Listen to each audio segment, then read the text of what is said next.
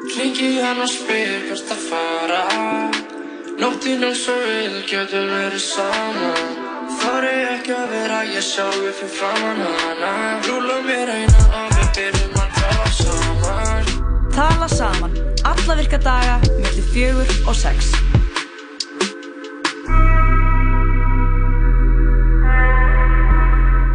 Jú, þið heyrðu rétt. Það er síðan þáttur um tala saman hér. Klukkan er, eh, já, rétt, rétt svo rúmlega þrjú, eða fjögur segi ég. Skríða yfir fjögur. Gríðaði fjögur, þrjár myndir yfir fjögur. Við erum hérna Jóhann Kristófur og Lóa Björk. Við erum með kæri lusandi til klána 6 í dag. Já, við ætlum að vera með skemmtilegan þátt í dag. Við ætlum að fá til okkar tvo gesti og, og tala eins um riff og, og uh, frettir. Já, frettir og ég ætla að vera með smá svona tónlistathema í dag. Nú, Það var að koma út uh, listi frá uh, Pitchfork yfir uh, 200 bestu lög síðust 10 ára Ok, geðvitt. og uh, ég er bara gaman svona listum að kannski, þú veist Pitchfork er alltaf, alltaf svona smá svona fólk hefur sína skoðanir á, á Pitchfork sem miðli Einmitt. Uh, umdelt. Um, um, miðl eða svona fólki fannst hann svona hann átti sitt skeið og uh, síðan verðist hann eitthvað eða Einmitt, í falla svona- í áliti allavega almenningsáliti já. Uh, við erum að fara að fá til okkar hérna þessi Eðarsdóttir. Hún er að reyna að gefa út ljósmyndabók fyrir lokaverkunum sitt í ljósmyndaskólanum.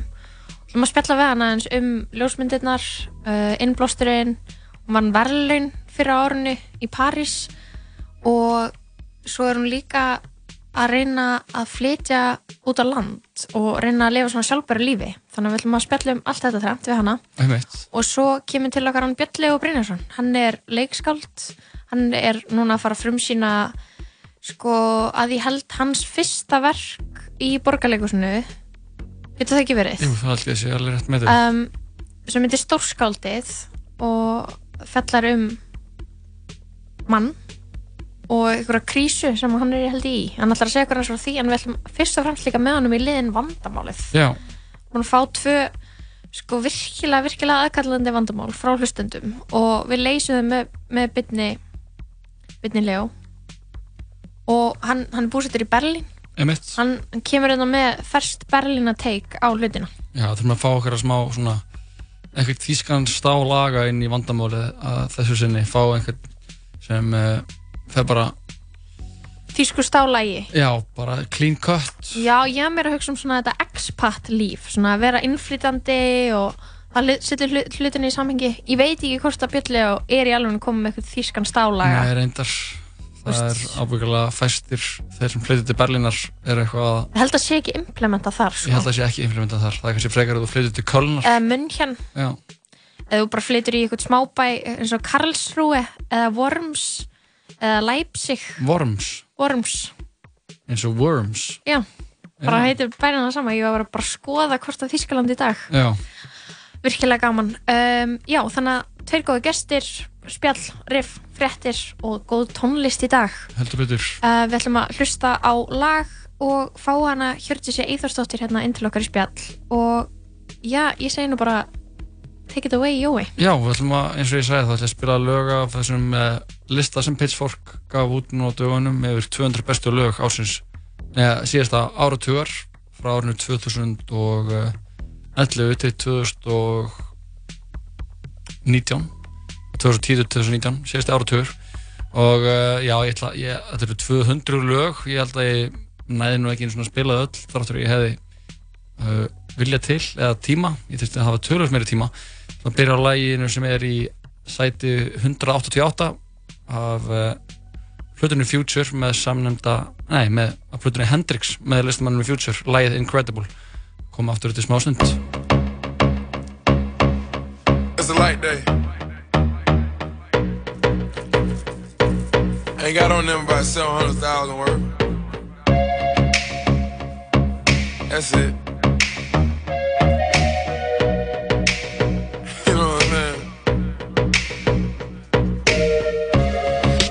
Having trust issues, but I've been having way better luck since you. I know it's true love with two. Told my my cell phone, wanna fall in love with you. Rolling on the E-way speeding. Uh, Friday just started the weekend. XR texting you responding. We gon' go crazy with this money. We do hot yoga 92 degrees. Can you stretch it out, stretch it out for me? I got somewhere to be, but it's hard to leave. When you do it like you mean it, I'm proceeding. Is you the one, is you the one? Then she looked me in my eyes, told me fuck them pussy niggas, they ain't right, cause I'm riding and I'm dying for you, baby. Got me feeling in- incredible, in- in- incredible,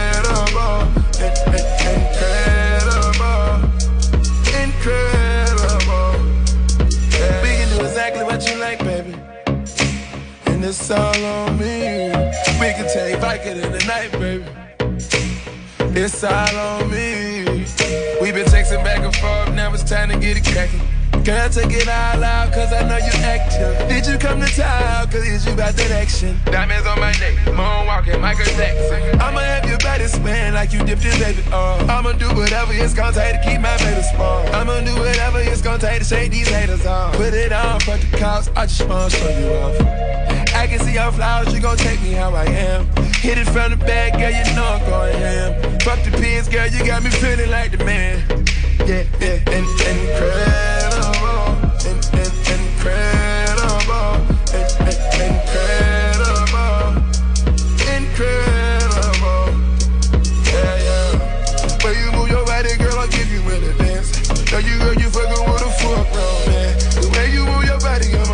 change of plans.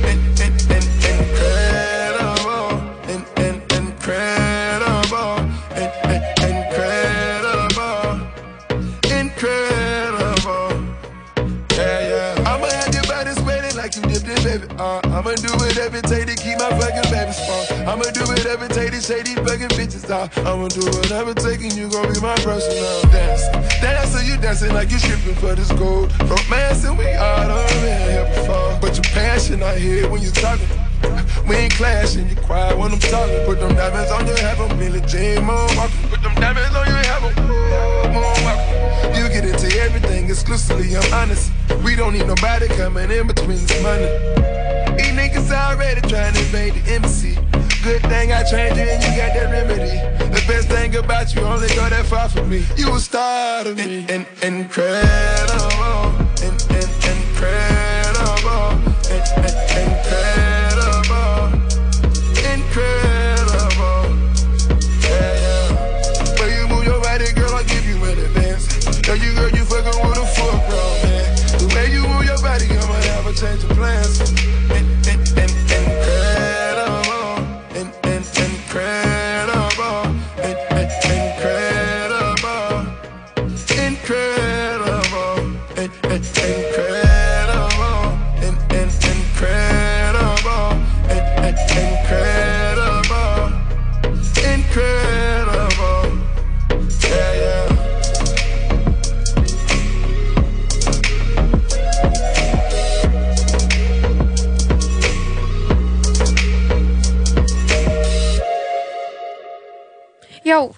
þú veist að tala saman, við erum komið hana Hjördísi Eithórsdóttur til okkur hérna í stúdióið. Hún er á sínu loka ári í ljósmyndaskólanum. Varstu hjertalega velkomin Hjördís. Takk, hæ. Hvað segir gott í dag? Ég segi bara mjög gott í dag. Já, hvað ertu svona að fást við þessa dagana? Nú er ég bara að fást við svona að leggja loka hönd á verkið til þess að ég geti sendt bókina síðan í prent. Hvað heitir verkið?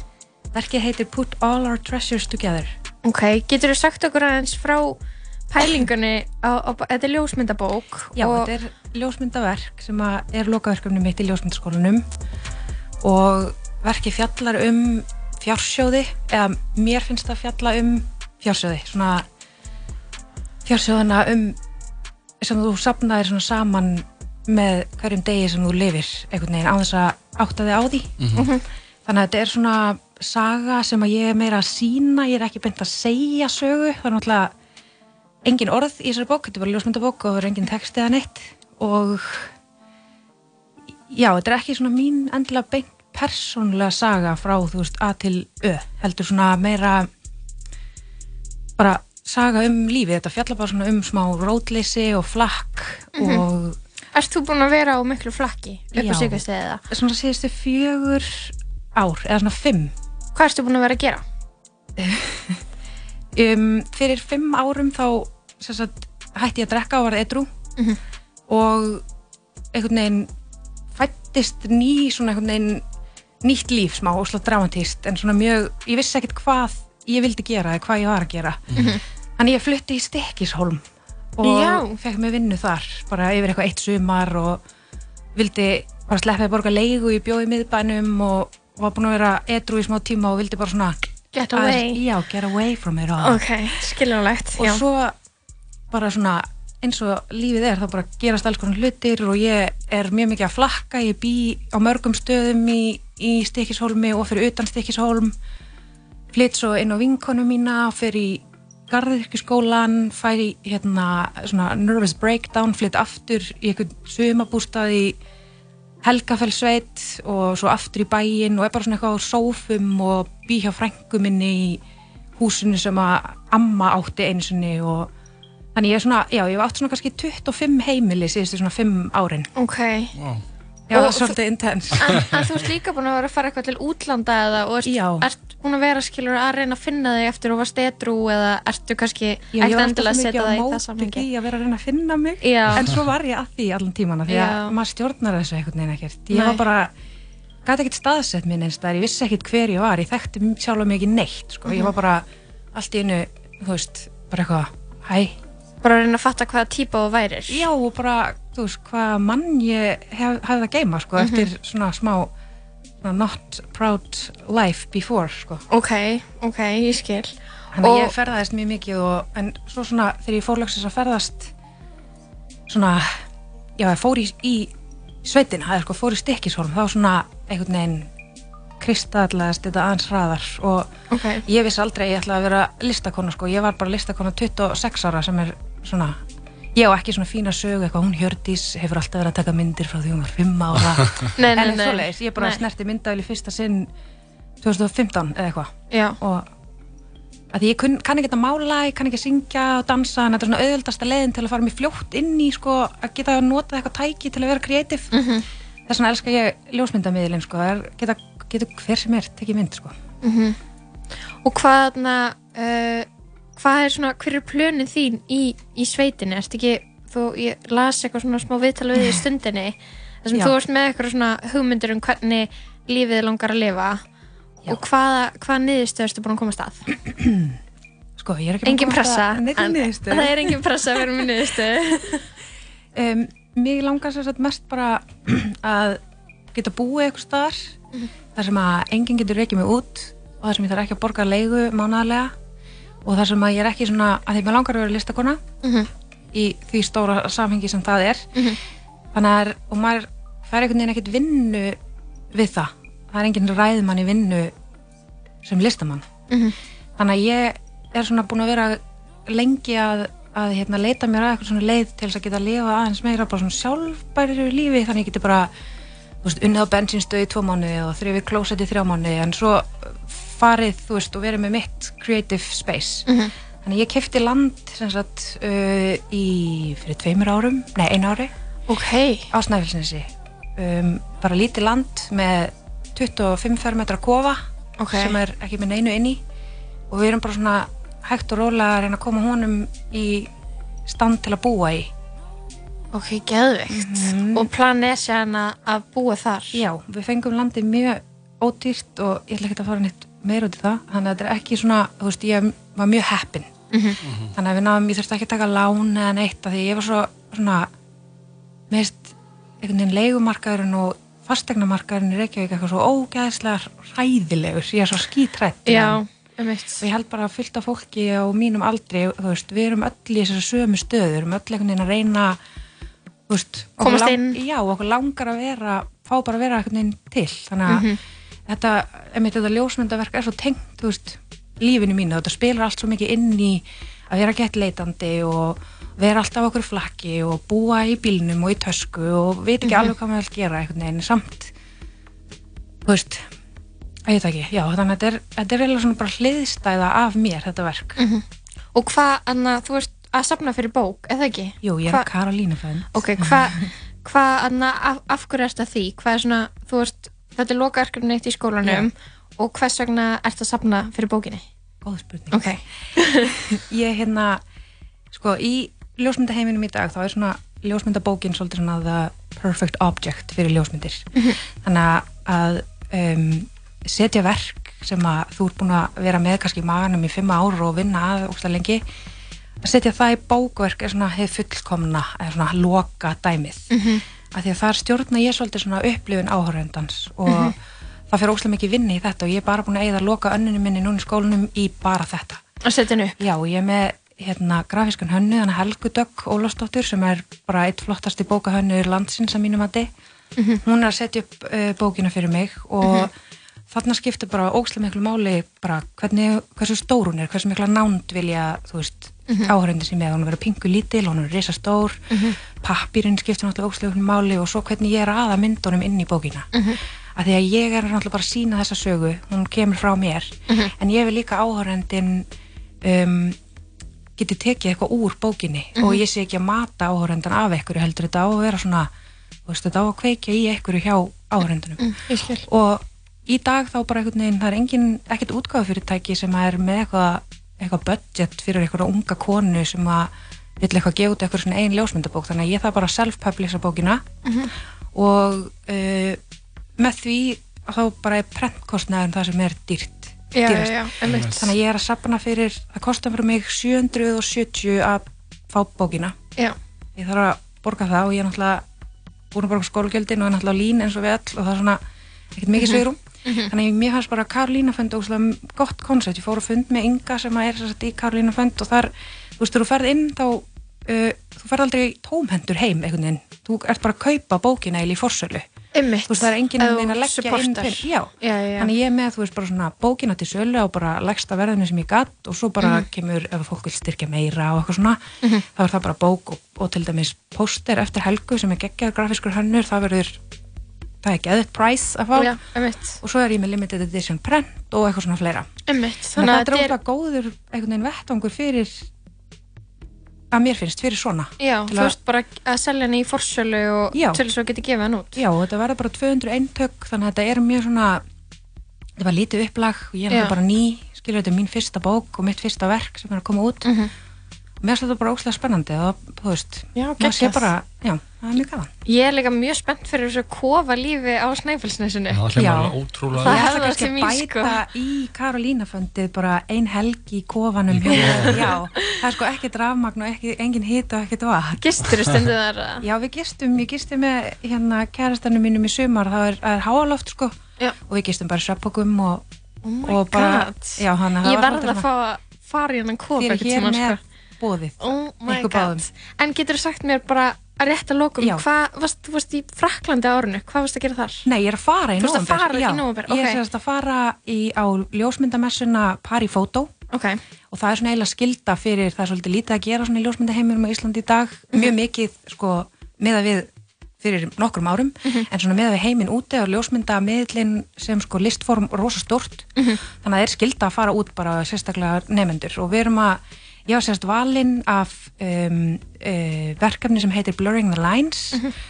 Uh, þá þau velja svona 25 framúrskarandi útskristaverkefni frá nefendum út um allan heim. Og mitt verk var sérst valið og verður sínt uh, á svona uh, off-sýningu af þessari stærstu ljósmyndamessu í heimi. Ok, þannig að það er mjög mikill heiður. Þau vinna að því að sko reyna að koma ungum uh, og efnilegum ljósmyndurum sko út og gefa þeim svona þessa viðkenningu og smá svona Pepp. já, smá svona push. Já, þannig að það að ég vann þetta sko ef að valin í þetta let mér svolítið svona fá meira power til að gefa út bókina því að þetta er svona eins og suspensið og svona tegju þetta varir bara í eina sekund og verður einhvern veginn bara, já, þú verður bara fylgisu þannig að ég setti bara allt mitt í þetta já, og bara eitthvað, fuck it. Nákvæmlega. Það er geggjað. Til að hafa ekki með það og bara Takk. gangi, hva, hvernig finnum maður þetta Karolína? Herðu, karolínafund.com og skrifið put all our treasures together það er semst ekkert að finna á nafninu mínu það Nei, er ok, it's a bug in the system ok. Ok. Put all our treasures together. Já. Við þakkum bara hér til þessi kella fyrir spjallið og eða góðan dag. Takk, takk fyrir að hafa mig Takk fyrir situation. Obviously a major malfunction. Your love is bright as ever. Even in the shadows. Baby, kiss me. Before they turn the lights out.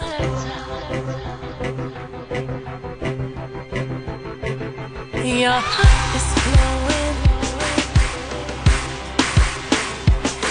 I'm crashing into you.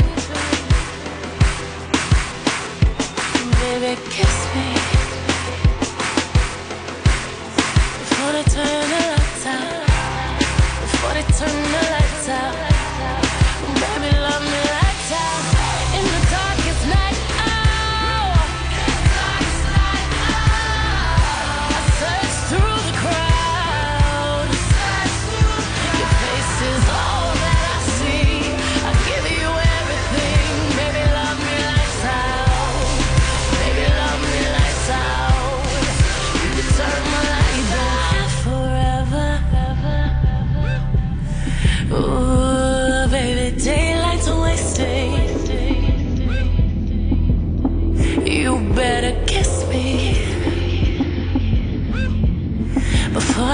Before time is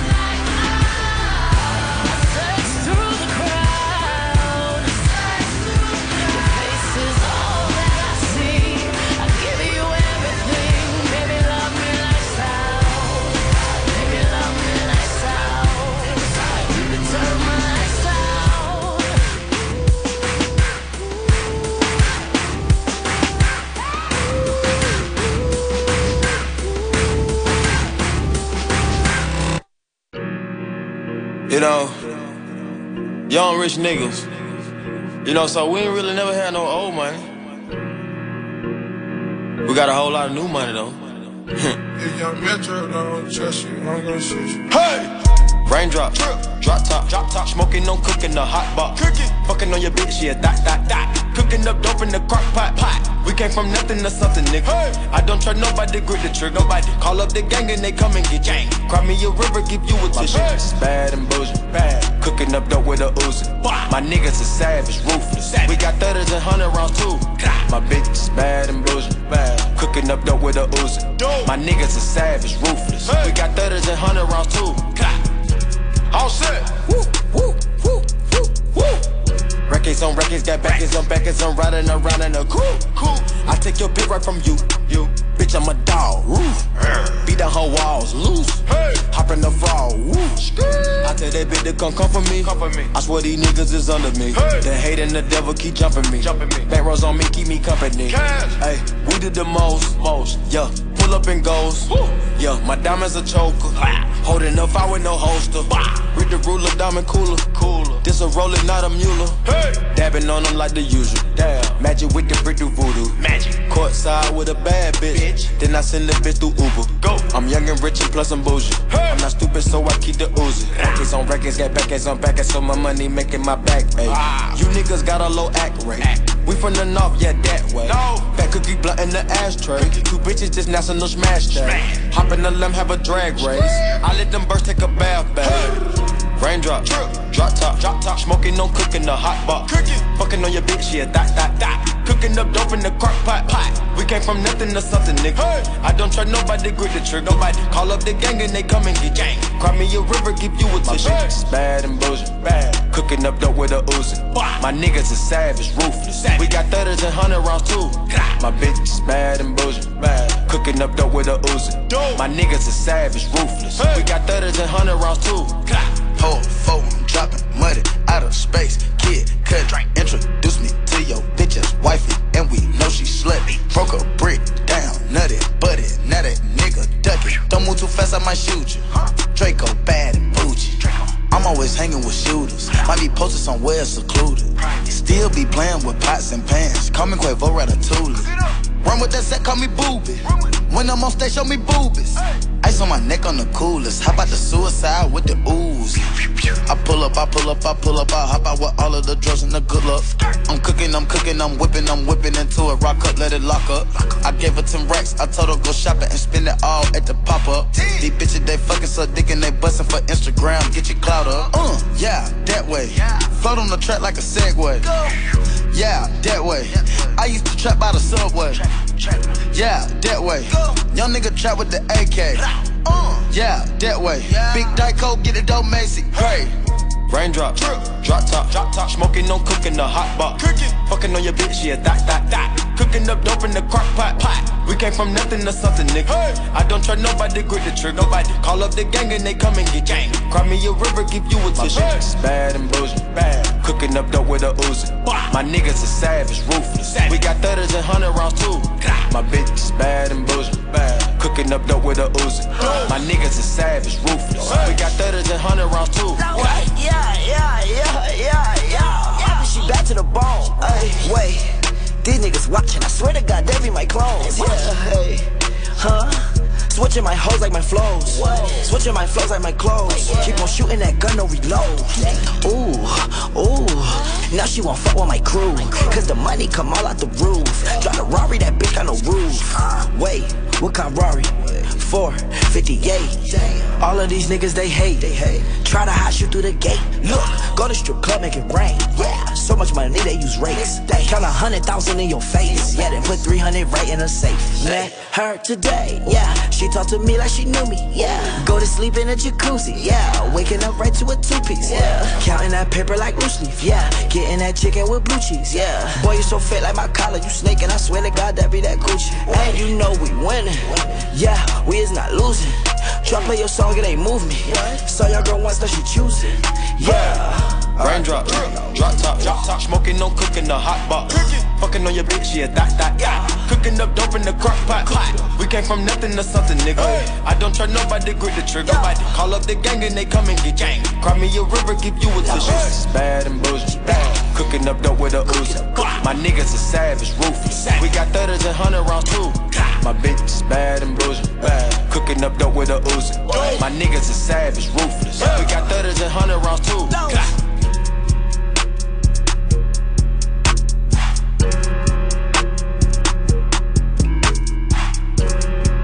Já, þetta voru frændunni í hljómsveitinni Migos á samt Lil Uzi Vert lagið Bad and Bougie. Þetta lag er á uh, í tónlistatheimann okkar í dag sem er, uh, Pitchfork, eitthvað menn velja lög. já, menn velja, mennin á Pitchfork velja 200 bestu lög áratugurins.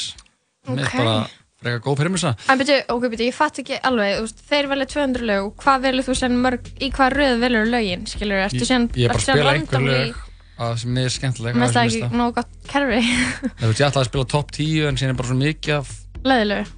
mér er bara mikið af skemmtileg þannig að ég er að velja Þú ert bara að fara um allt á listanum.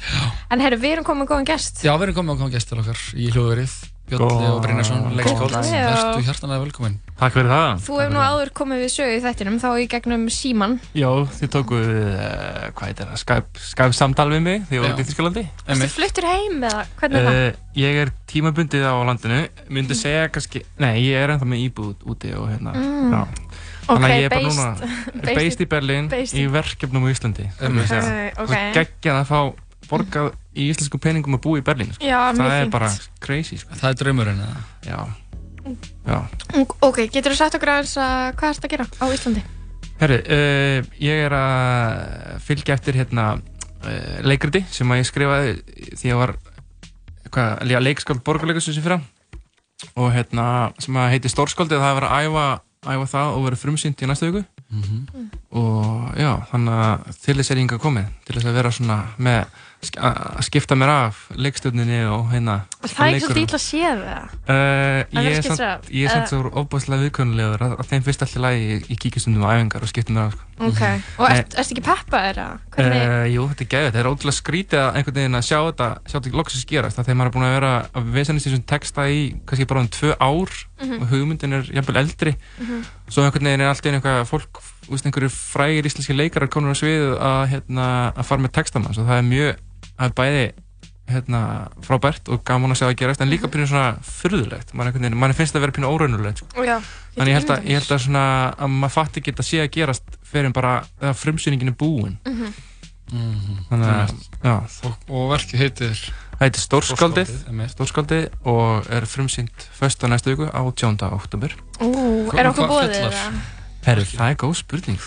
Það, Ég vil endilega koma á frumsýninguna sko frumsýningin er náttúrulega svona boðs, boðsýning, sko. Já, við erum alltaf komin inn í ákveðna, ákveðna svona menningar eildu. Við erum alltaf að fjalla um leik og sérna í þættinum. Já, það þarf einhver að Það er Það þarf einhver að gera. ógeðslegt að segja þér í menningarildinni Það er það ógeðslegasta sem þú getur sagt Já, sko. lofa, hvort sem þið líka betur eða verð, þá ertu komin þangað. Þú ert búin að, Mm. með lista háskólan Lóa, þú ert, þú ert í menningarlild. Það er svo mikið að fólki búið með listaháskólan og ég þvertek fyrir að allir sem útskjástu listaháskólan fari beint í menningarildina sko.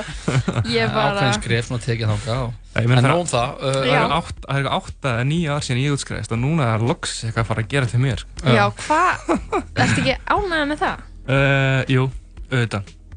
Við Það er geðum gaman. þannig. Já. Um hvað fjallar. Anna, um hvað fjallar verkið?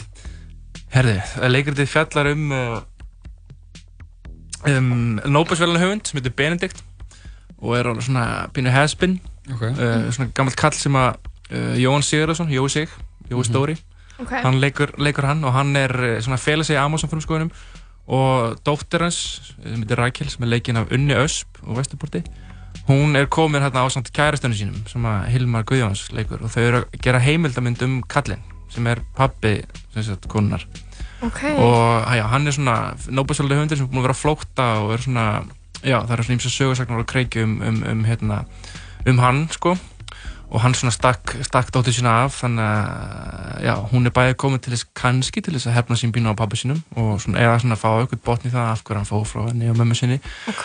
og svo líka svona aðeins að, já, svo fjallar þetta líka um uh, sögur og svona mediums, miðla, veist, Mhm. þau, þau, hann er rithöfundur, þau eru heimildamönd að gera fólk Mhm. og svona, þau eru svona að leita að sannleikanum og í gegnum, gegnum svona sína miðla og Ok. rífast svolítið um hvað gerðist í fortíðinni og svona, Mundur þú segja þú veist þessi hugmynd er hún, Mhm. ertu eitthvað svona að horfa á Íslands stórskáld eða kemur þetta bara svona frá einhverjum allt öðrum stað? Uh, það er náttúrulega bara einn íslenskur Nóbelsvæluna höfundur og það er Haldur Lagsnæðis þannig að það er náttúrulega auðvitað er mjög sterk hugrenningatengslu við hann en, en þegar ég var að skrifa þetta þá átti þetta átti þetta að vera miklu meira bara svona alþjóðlegt fólk þetta átti Já. ekki beint að vera íslendingar Nei, mitt. þannig að það er vil, verkið er viljandi skrifað svona fyrir kannski alþjóð, þú veist, það er alþjóðlega markað, ég veit ekki, að, þú veist, þannig að þetta er svona meira, þetta er meira svona hugmyndir er af fólki eitthvað, ekki eitthvað svona ógíslega lokal Nei, um Íslands nei, ég, ég, dæmi. ég, svo- ég sé reyna allt, allt sem ég geri á að vera svolítið svona ekki lokal og current, ég reyna að taka allt úr mínum verkum sem er svona lokal og current Mhm. það er einhvern veginn dregur mig oftast úr, úr því sem ég sé ef það er mikið af vísunum í eitthvað annað eða svona, Mhm. það þarf alltaf að vera mjög svona smart gert til þess að það virki. Mhm. og hérna já, þannig að þetta er meira svona þetta er svona f- fólk sem að táknar ákveðna hugmyndir sem er Mhm. hérna í og verki gerist í Amazon frumskoðunum Mm, Hann sem, það já. er óvinnulegt ég er, er, þá, er leikmyndin bara Amazon frumskóðurinn Uh, þetta, já, þetta er svona, hvað var að segja, svona niðurnýtt hótel í Amazon frumskoðun, sem gerist í svona gömlum svona gummibæ, gummibæ, það var mikið gummi framleitt í Amazon í Galanda og svo fórum henn að vinnit úr hérna ólí og þá lögðist svona gummibæir í eigið, svolítið eins og hérna, svolítið eins og fiskibæir í Íslandi, þegar kvótin fer þá fara, fara bæirnir á Einmitt. og hann er einhvern veginn svona skrifaði bók sem að gerist þetta og hann er svona að fela sig svolítið í, í hérna sögusviði bók, bókarana sinna sko. Ok, geggjað. Mhm. Og hljóma mjög vel. Já, ég er mjög spennt að sjá þetta sko. Já, ég, ég er líka rosa spenntur að sjá þetta sko. Ég held að þetta var helviti flott. Já, Herru, ég var að fá eitt laga jú, jú, höldum áfram að hlusta á tónlist af listanum menn velja tónlist Já, frá en Pitchfork. Er, Pitts, er Pittsburgh mítið ekki búið að vera svolítið svona hallaræslegt? Í alveg 15 ára. Jú? Er við ætlum að bring it back sko. Jú, við, já, við, Mjög lengi sko. En, en ég, ég vissi bara ekki Pittsburgh væri ennþá með eitthvað authority í, í það, er, það er ekki með það Nú. en við erum að veita því, Já, gefa því vægi Já. með Ok, ok. okkar menningar yldu status Já, við erum bara einhvern veginn að að bring it back já. Einhverju hipsterir í New York sem fá að segja eitthvað um, um músík Já, Já, veist, við, við erum bara að bringa allt þetta, þetta gamla óvinnsalega dótt aftur, sko. Ok, Við fýlum það. Þetta var fyrir að spjalla við Björn og eftir öskamar stund Fyrst er það eitt lag, LMA, lagið Boot Up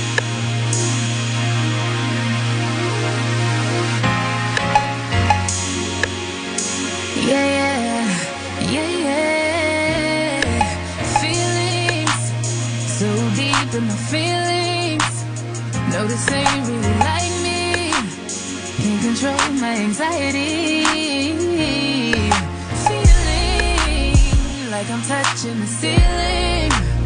When I'm with you, I can't breathe. Boy, you do something to me.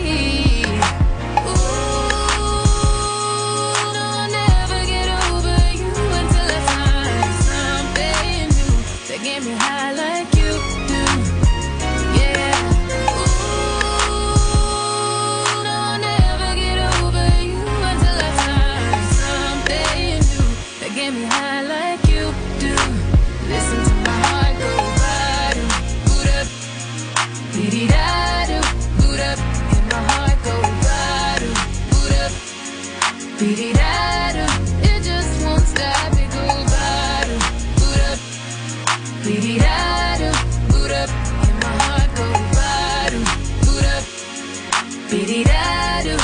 just won't stop,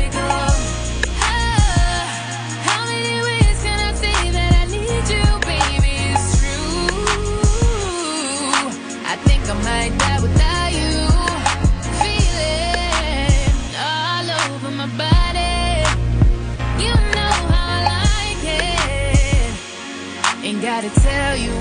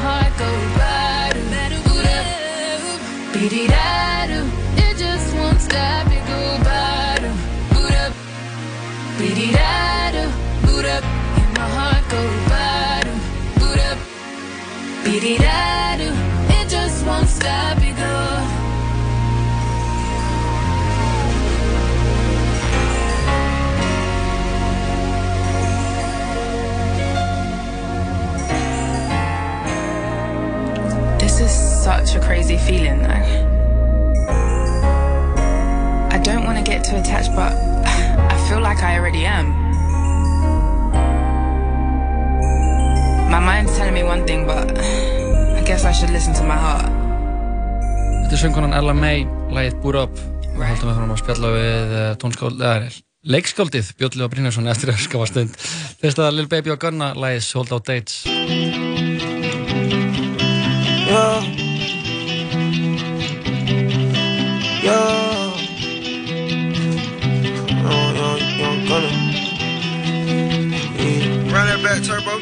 Baby, cash every day. I got you a mace, I light up blue rays. Cheat on my pet, the condo a cage. Addicted to sex, I gotta get laid. My jacket all white, don't mean that it's beige. I clean up real nice, I don't got a maid. A ape in the night, I'm still rocking beige. Live on paradise, I don't see the shade. Know the back end, I'm back on the road. Know the protect, paid off my show. Tripping is rough, more this be long. Hoes by the pair, I'm never alone. Sleep on the lyre, come on, they go soft. Eight in a two, and let it dissolve. Bombing my dinner, young gon' wanna ball. Rock the whole concert and hot than a frog. My foreign's a toy, I'm still a kid. Take out this year for Coachella, it's lit. Bro got umbrellas to cover her wig. Open some money, let them in a trench. Lightning bolt diamonds, cause I'm a revenge. We straight like a lineman, I really got rich. Some more fancy yellow diamonds in my pants. Don't get it confused, I'm still banging the scene. Cartier, gonna a done. Niggas try soak up the drip like a sponge. Hatred's contagious, I keep me a gun. I'm focused on making an M in a month. Baby, order 20,000 in ones. Walking in by, I'm not asking how much. I'm better on the bottom, you need to catch up.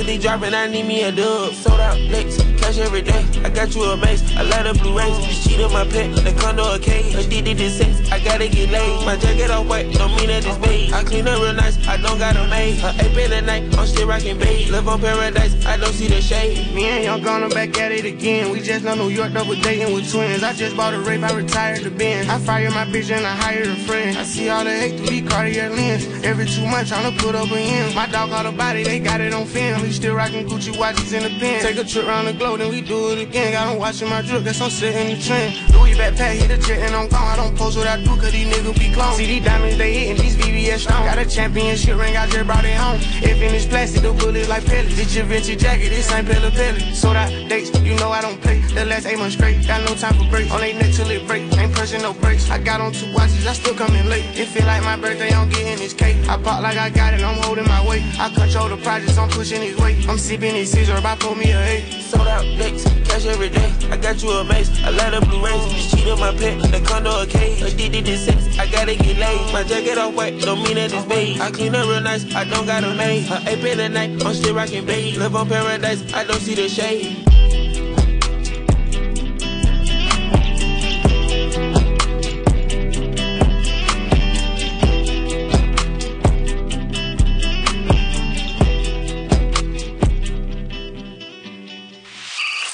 Hlustaðu á okkur á netinu á 101.live Ég heyrði lævirkjan heilsa nýjum degi en ekki nætur galan syngja. Sjáðu, á... Veitu fyrir ekki, hérna, er textin allur svona í leikritinu? Eh, Nei, nei, þetta er nú ósköp bennulegt leikrit, sko, en þetta, þetta kemur svona á milli. Ah, ég skil. Shakespeare verður ástfangin. Sýnt í þjóðleikhúsinu. Miðasala er í fullum gangi á leikhúsið.is Þú ert að hlusta á útvarp 101. Já, það er sítið státurinn tala saman hér á þessum uh, þriðu deg. Jón Kristóður og Lóa Björk verður með til kl. 6 í dag og hjá okkur sittur leikskáldið Björn Leo Brynjarsson sem er að frumsýna sitt fes, fyrsta verk í borgarleikusinu, eða ekki? Mikið rétt. Mikið rétt. Næsta, í næstu viku. Já, fyrstæðin átjönda. Fyrstæðin átjönda. Geggjað. Reysa dæmi. Mhm. Við ætlum samt líka að plata þig í liðin okkar, uppáhaldsliðin okkar vandamálið. Aha. Það var ekki vel að... Uh, Býtum við, hvern, hvernig er hann?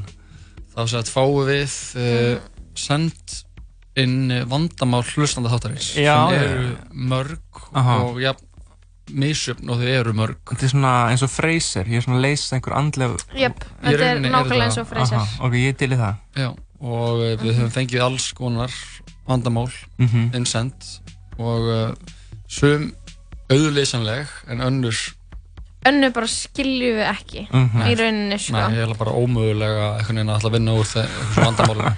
og þú mátt koma um endilega með bara eitthvað svona vingil svona alltaf aðeins eldri en við Já, já. hefur svona lí- lífsreynslu að, já, svo gamall Í búin að bú, búin að búi í Berlín Og vann, ég vann í þrjú ára á bráðegjöðu. þú vannst í þrjú ára bráðagjaldið Einmitt. þú ert, veist hvað er að frétta Mm -hmm. Annarkvort er ég að fara að hjálpa þessar mannesku eða bara Uh, leggja lífinu A breaker. Já. já, Mhm. a- það er bara það er engin billi vegur Mhm. þannig ég ætla bara að byrja að lesa fyrsta it. ok, það er svolítið svona uh, flóki sko Mm. um, eitt er mjög, já, ok, ég ætla bara að byrja. Sæl tala saman, þetta er frá hlustenda sko.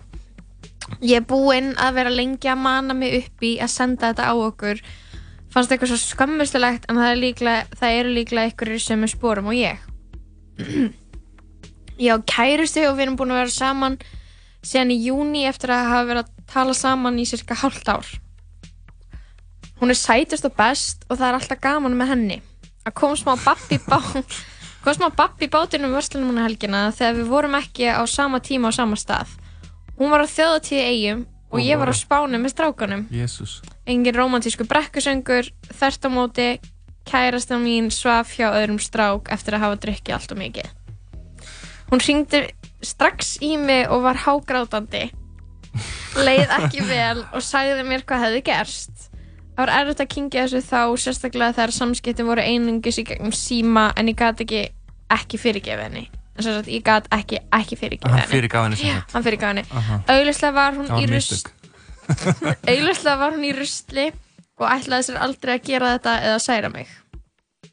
Vandamáli er nú komum við að vandamáli ok. Aha. vandamáli er að ég er búin að fyrirgefa henni en er ennþá smá reyður inni mér út af þessu mér líður stundum eins og ég eigi að hefna mín sem meikar engan sens og er ljótt. Mér líður líka stundum eins og ég hef fyrirgefið henni of fljótt. Þegar hún spyr mig hvort þessi ennþá reyður þá segist ég auðvitað ekki vera reyður ég vil ekki að hún fái samvinskupið ég spyr því ykkur hvað á ég að gera? Ætti ég, að fyrirgefa henni? Er ég í alvöru ástofngin af henni ef ég vil stundum hefna mín en að gæslappa á þessu þetta er vandamáli Þetta er hella dæmi, sko. þetta er Ég- heavy Já, ég held að þetta sé, það, er- þetta verður alltaf erfitt og þetta mun fylgja manneskinu pottit út æfina, sko. Einhvern veginn, hérna, að þetta, þú veist, þegar tröstið er farið, sko, í sambandi. Ég Mhm. meina, veist, þetta, þetta brefið skrifað svolítið eins og þetta sé svolítið ungt fólk. Já. Ég ætla ekki að skáta sig kannski um tvítuð, ég jafnvel ekki tvítuð, sko. Uh, og sem er, þú veist, og hald, sko, það líka, þetta er, þetta er í Vestmanni, sko, þú veist, að halda fram hjá einhverjum, í kannski einhverju tjaldi, að það verra heldur Ég- en eitthvað annað? Ég held að sé kannski aðeins skárra heldur en þetta sé eitthvað vinnustæða framhjóðald Já, mér, ég held að þetta sé ábygglega svona skásta. Já, já. Það verður eitthvað að geta hella Skásta? Já. Skásta, já, ég- Þetta er, virðist vera mjög svona Anna In the- impulsíft. Já, in the heat of the moment. Já, en hvað er eins og þetta dæmi hún ringir strax í hann Já. bara strax eftir þetta gerist Mér finnst það fucked up Mér finnst það- mér finnst það líka. Máttu ekki að skammast Það sé ekki morgun eftir þá eða? Nei, hún ringdi strax í mig og var hágrátandi leði ekki vel og sagði mér hef, hvað hefði gerst Hringdi- Það hefði bara komið bara instant samvinskupið sko. Já, já, mér finnst það flott Gaurinn hefur verið bara ennþá inn í tjaldi þegar hún tók upp síma og ringdi bara Já. herri, Ég sé eftir Oh my god Og svo, ég meina, en líka að ringja svona þú veist, smá svona að setja hérna manneskjuna on the spot, ekki leifin að melda þetta Mhm. eða skilur upplýsingarnar þú er bara eitthvað, þetta var að gerast núna hún er auðvitað í meltdáni Mhm. hún, þetta er svona dæmið, þú hefur þetta að ringi vinkonu Mhm. og svo koma með eitthvað svona aðeins svona Já, svona aðeins calm and collected já, út af því að þú veist hann alltaf, ef að hún skilur svíkur hann og, og fokkar honum upp Mhm.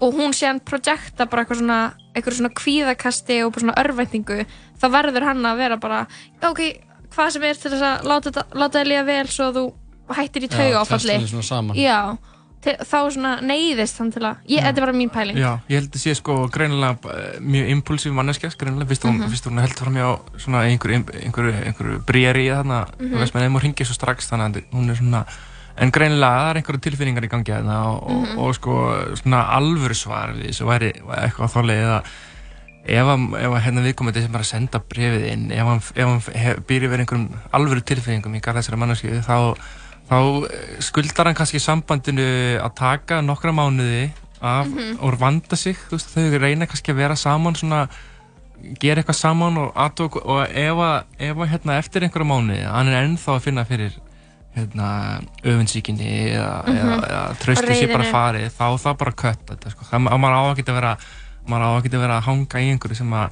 sem ef að tröstið er farið sko, held ég, Mhm. ég held að það sé vonuleg sko. en svo líka, Mhm. ég meina þú veist, að lendur í þessu og, og, og hérna, ég held að það mun vera að pyrra þig alla alla æfi held ég að einhvern veginn líka bara ekki bara kærast hann, heldur líka hinn gaurinn sko, þú veist þú verður það alltaf að hugsa um, hugsa um hann sko, Að það? Já, ég, ég, ég held, ég held að þeim, þeim er alltaf langa einhvern veginn til þess að til þess að einhvern veginn banka pínu í hann eða eitthvað svona einhvern veginn hefna þín þegar, þú veist, hvað allar að þú voru Hann verður svo stór fígur í sambandinu í Já, rauninni einmitt. held ég sko. gæin í tjaldinu skilur, Já. þetta verður einhvern veginn ángra mann uff, þetta- ég fær bara hroll að hugsa um þetta sko. Mér finnst líka eins og kannski að uh, þessi aðali sem er að senda okkur brefið skuldi sambandinu líka að taka út aðeins meiri taka þessar tilfinningar aðeins út eða þú veist þannig að Tala um það meira við hana já, af því að Já. hún er eitthvað eftir reið, eitthvað reiður, eitthvað nei, ég er ekki reiður svo hún, að þú veist, hann er að vera meðurkur Mhm. svo hún verði ekki leið Mhm. að fá samverskupið, hún máli fá samverskupið, það hún held framhjá og það má hún fá samverskupið En byrju, má, ég er svona bara með pælingu sem er meira bara svona, bara svona almenn pæling, má hefna sín? Út af því að, má ekki alveg hefna sín? Jú. E, er það ekki? Er, þú veist, ef það En bara læti að líð- líða betur, það þér ekkert líða betur ertu viss? já, ég er frekar Þarfst ekki bara svona katharsis, svona, bara svona þess að losuna, þú veist, fara út og gera eitthvað sem má ekki, svo að þú veist, þú sért ekki lengur undir í sambandinu, svo að þú sért ekki lengur sá sem var fokka með, þú ferð út og gerir eitthvað crazy, Mhm. ég veit endilega að tala um framhjáhald, bara eitthvað risky hegðun, ég veit það ekki, hefna sín smá, steli bíl bara bara eitthvað, ég veit það færi ekki. tattu eða eitthvað? Fáðu tattu nafnaða gurnum á þig. Já, bara þú veist, bara, bara svo, leng, svo þú hættir að vera manneskjan sem að er fórnarlampið Já, til að komast út úr Já, því þú verður ég að hafi tennur sko. já, ég meins að ekki líta svo á að hann væri fórnalamp en hann líður þannig, hann langar að hefna sín hann er, veist, það er bara því að hann er líka búin að bæla þessar tilfinningar. Hann þarf bara að ræða þessar tilfinningar og gera þær upp. Það, Svo- brey, svo- það en- breytir engu ef hann fer bara eitthvað út og fer bara eitthvað að húka upp með einhverju annari gælu eða fer og að Það er þannig í bíómyndum en ég held, ég held, Já, að, ég held að, það bíómyndir. að hem, hemdin sko, hemd gengur kannski ekki beint út á verknað en hemda verknað heldur það sem þú lærir á honum í kjölfarið að að hemdin borgi sig ekki eða, Já, einmitt. eða svona þá svona, já, herri, ok, nú veit ég það allavega ég Mhm. þarf ekki að hefna mína aftur eða eitthvað svona. Ég held að það- hann þurfi bara að fá eitthvað svona tilfinningar hins hann þurfi að fá bara að tala um þetta við hana og En- kannski bara fara í sko svona sambandsrákjöf en það er, sem, það er líka steikt að fara í sambandsrákjöf þegar maður er tvítur Me- Mér finnst það ekki. Ég held að þetta er svo mikið bara svona þetta er bara svo mikið tímapunkturinn í liði fólks þess að það er að læra fullt af mistökunum sínum og það er ekkert endilega með manneskunni sem er the one í lífinu þeirra. Nei, nei, nei. þannig að þú veist, að vera tvítur í sambandsráðgjöf er svona, það er smá það sem þú gerir þegar þú ert þrítur í committed sambandi. Já, en hún, eins Þeir eru og búin að hann vera segir saman í hana, hálft hún, Já, en hún er best, þú veist. Já, hún er sætust og best, mér Já. finnst það um alla sem ég hitti. Ó, það er svolítið erfitt líf og allir eru sætir og bestir nei, æ, fattiði mig, skilur Mm. veist, hún er kannski sætust og best en hún er kannski ekkert endilega eitthvað svo eina rétta, skilur, í lífin hans.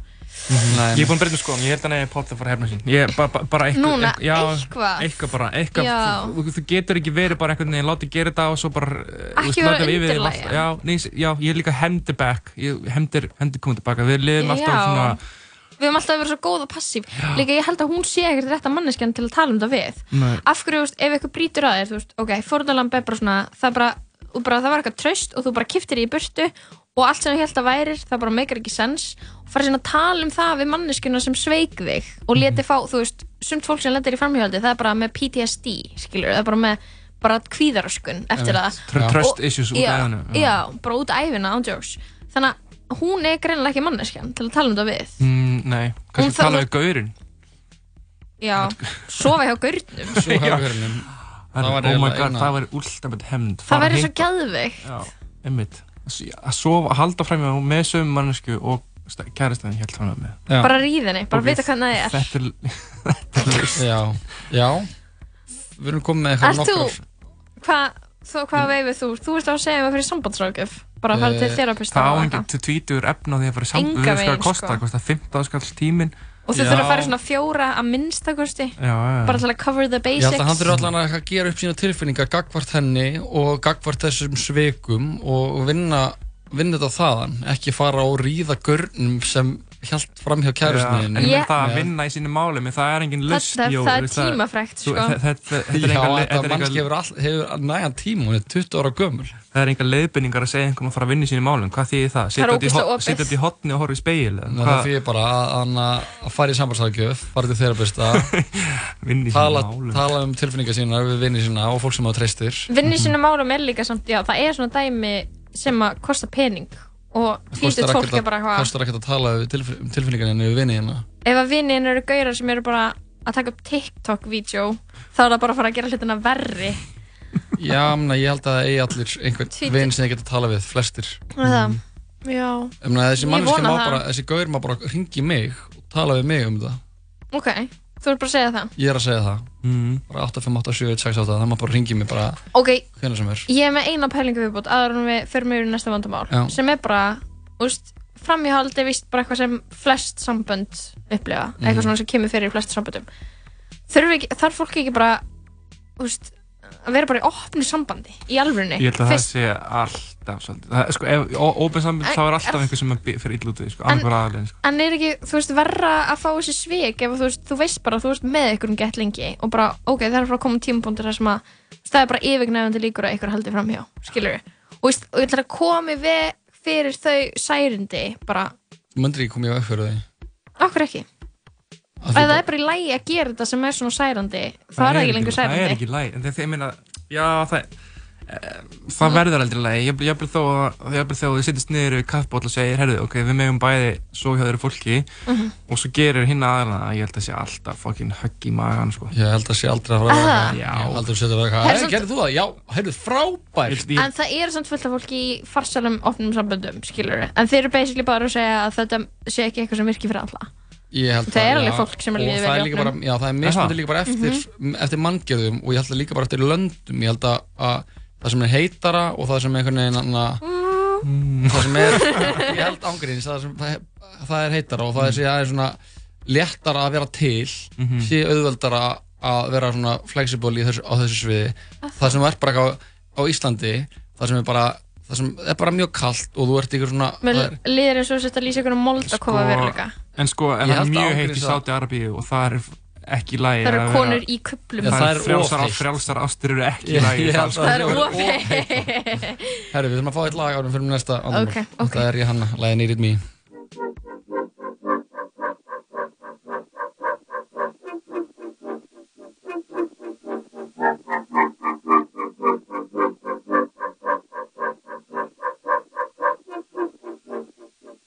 Me. What's that on that beat? I was good on my own, that's the way it was. That's the way it was. You was good on the low for a faded fuck. On some faded love. Shit, what the fuck you complaining for? Feeling jaded up. Used to trip off that shit I was kicking to you. Had some fun on the run, though I give it to you. But baby, don't get it twisted. You was just another nigga on the hit list. Tryna fix any issues with a bad bitch. Didn't they tell you that I was a savage? Fuck your white horse and a carriage. But you never could imagine. Never thought you could have it. You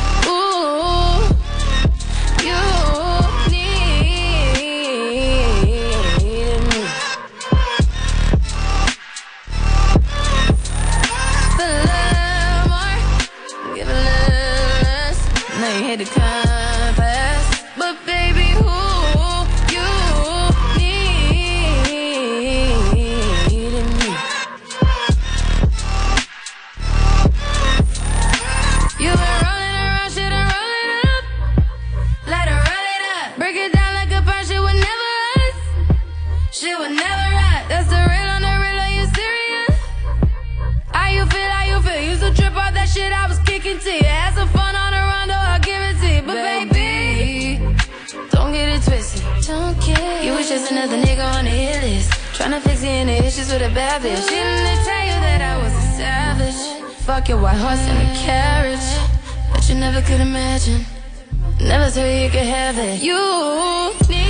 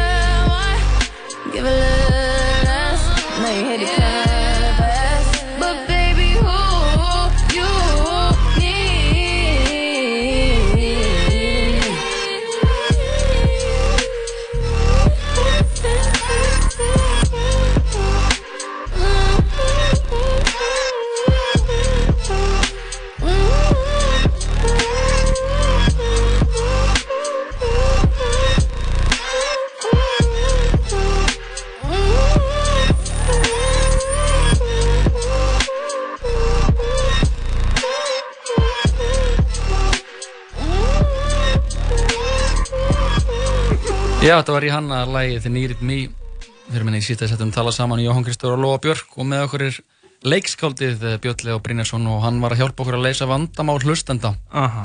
Þetta var hefði sko Eða búa til vandamál Búa til vandamál og leysa það Já. jafnóðum Ég pizza alltaf þessa, þessari hugmynd opnum samböndin, skilur ég er bara Ég sker ekki, við þessi Ah. liður ætti að vera akkurat, við ættum að fá fólk sem ringir inn og við ættum að gera vandamál þeirra Stærri. flóknari, já. Við getum bara gert það líka. Meiri kaos. Ég, Já. já.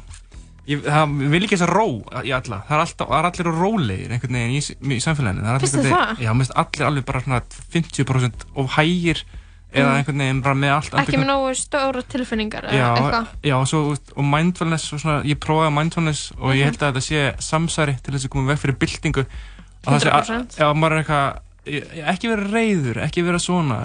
Sest bara niður og hugleiti í kortir þetta, er- þetta er rugg, sko. Við eigum að vera reyð Mhm. og já, ég held að þetta sé conspiracy, sko. Að láta fólk Ok. alltaf vera eitthvað að sitja og slappa af. En líka þetta líf skilur það sem þú átt bara skilur að vera bara í geða ykkur rútinu og bara búa í ykkur húsi með ykkur manni og ykkur börn Já, og bara horfa bara á sjónvarpið og eitthvað.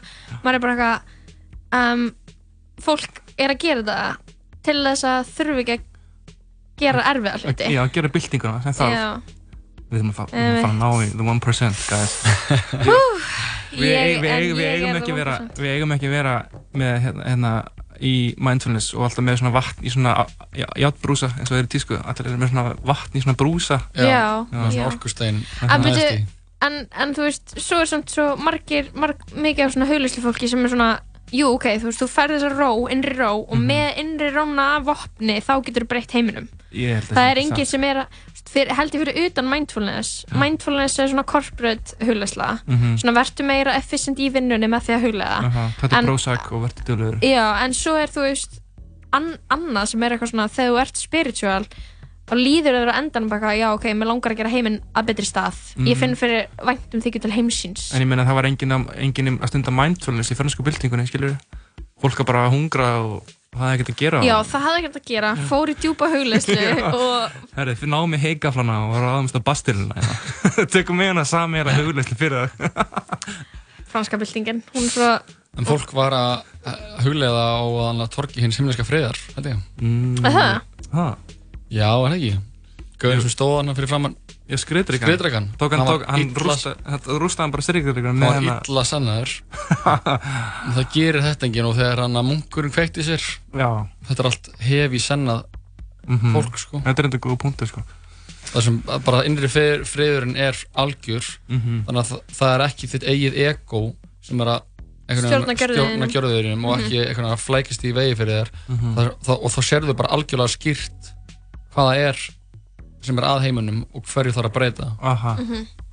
Og ég þarf eitthvað að endur hugsa þetta já, ég held að, ég held að mindfulness við getum hendi í ruslið sko. Já. en, en hitt dóti sem með alvöru kjarna Sen buddhismi já, sen buddhismi, algjörlega ok, næsta vandamál, Aha. eru þið tilbúinir? Ég er tilbúinn Ég er mjög tilbúinn Annars að ræskja mig, sorry mm -hmm. Ég, hæ, hæ, tala saman Ég var að fá mér hamstur Kæristinu minni fannst það frábær hugmynd en hún fekk hana ymmið því að mér langaði í kött Hún segir að hamstra séu eiginlega alveg eins og kettir Ég skila ekki alveg því mér finnst þeir ekkert líkir Við fórum að rífast um hvað hann ætti að heita og mér finnst hann ætti að heita Baldur en hún vil hann heiti Kisi sem mér finnst mjög skrítið því hann er ekki köttur Hún segir að ef við komum okkur ekki saman um nafn þurfum að gefa hann frá okkur. Hvað finnst ykkur? Wow Ok, ok, ok, ok, ok, það, hún fekk hamstur, eða fjölskyldan fekk sér hamstur Hún, já. og hún vill, og svo var einhver sýstirinn sem vill hann heiti Casey Mm. Ha, nei, engin systir í þessu. Nei, ok, Nei, kærastinn Sko, þetta er kæristupar. Já. Hann langaði í kött. Kæristan sagði, góð hugmynd og kefti hamstur. Aha. Svo vildi hún skýra hamsturinn Kisi Aha. og hún finnst það fáránlegt. En að hann vildi skýra hann Baldur. Já. Mér finnst fyndið að hann heita Casey, ég meina að fatta það ekki, þá ertu húmóslaus Mér finnst líka að fyndið eitthvað að skýra hamstur Baldur Mér finnst það líka að fyndið Hverju fá þessu ekki bara annan hamstur Aha. og skýra einn hams, hamsturinn Kisi og einn Baldur? Eða bara skýra hennan Baldur Kissi mm. Vandamál leist. Baldur Casey, það er geggja Það er líka Afgreitt. Ég fekk einu svona hamstur því e, í svona fyndna gjöf því ég var átjánara Já. og komið strákar heim til mín og þeir eru eitthvað svona ha ha ha, sagði hvað við erum með og þá voruð með svona búr Æ. eitthvað dýrabúð og það var hamstur Var ekki Og- pyrrandi að fá það? það var geðveikt pyrrandi sko. og, og hún leði ekkert sérstaklega vel og ég var, veist, það er ekki tíma til þess að sjá Mm. um hann og hann var alltaf að klóra sér út úr plastbúri þannig að hann var búin að naga einhvern veginn veist, svona, í gegnum svona einhver loftgött alveg svona rispa gett mikið plast í burtu Það er eitthvað að heimstrum Já, ég held að, ég, held ég held að að þeir vilja ekkert vera í þessum búrum sko. Hvar, vil, hvar eiga hamstrar að vera? Hvar þrýfast hamstrar? Um, Ég held að þeir eiga bara að vera gæludýrabúð. Já, þeir eiga bara að vera í gæludýrabúðum Þeir eiga ekkert að vera Út í náttúrunni Eh, Hvar Hvar, í náttúrunni? hvar, hvar eru hamstrar frá? Á ég komast að því? Ég ætla að segja að þeir séu Hvaða- frá Suður-Ameríku Eru hamstrar Bara vísindavefurinn Þeir eru nagdýr og þeir eru frá engu landi. Alltaf sé eitthvað svona ræ- No man's land. sé þetta eitthvað svona ræk, úr ræktað úr naggrís Ég held að Ah, Sýrlandi? Úr Sýrlandi? Við Já. erum að fá nýja sendingu af hamsturum frá Sýrlandi. Já. Já, við áttum, ég átti líka hamstur og uh, og ég, hvað hét hann? ég man ekki Ég hvað menn hétt ég man ekki hvað menn hétt en ég man hvað hann, hans loga hétt hann hétt Jón Bóndi. Okay. og Það er fyndið. já, það er mjög fyndið. Og hann uh, síðan eitthvað svona var alltaf að vera að búa til svona þrautabrautir fyrir hann, Jón Bónda og hann var að fara upp, upp, upp, og niður eitthvað pappakassa. Aha. og síðan uh, kom í ljós að hann var bara með gæð mikið æxlum og bara gæð mikið krabba Já, minn já, þetta er Af hverju er eitthvað svona alltaf- gjarnir að fá að krabba? Já Ummitt Það er eitthvað leðalt eitthvað og það hlýtur þá að vera fóðrið. Já, kannski bara einhver, Mhm. einhver, einhver sem fylgir ræktuninu, þetta er sem sem er mörg, margar hundategundir sem eru mjög seðlist fyrst mér að rækta mjög mikið að margar típar hundum. Sem er, veist, bara eins og pögg sem er Já. alltaf í andnöð sem þarf að bara setja því aðgerð svo það getið andað. Já, og þú veist, sjeffurhundur nútímas er ekkert eins og sjeffurhundur voru, það er búið að rækta fram eitthvað, fáránlega mjadmi þannig að þeir séu svona niður og aftan. Þetta er eitthvað svona fagufræðilegt dæmi sko. Það er búið að fokka öllu sko. Já, ég veit ekki, það er einhverju hundarættindar hlusta þið, þið eru ívúl sko.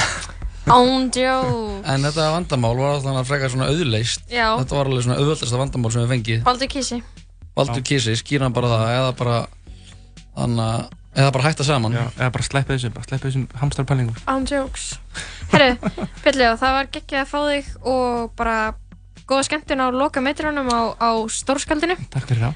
Og frumsýning í næstu viku við bara sjáumst þar fersk. Menningar ildan Menningar ildan lætur ekki vanda- lætur sig ekki vanda Nei, nei. Sjáumst í borgarleikusinu Mhm. Allir í leikhús. Yeah.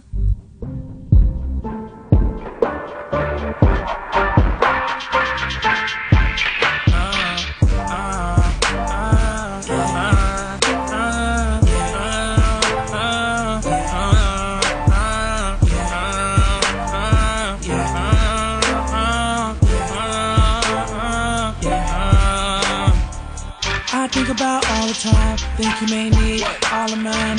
Hate to say, you know that love is blind. I'm about to see, I close my eyes, they can see you in it all. Most of them need dollar signs to make every day your birthday and every night your Valentine. But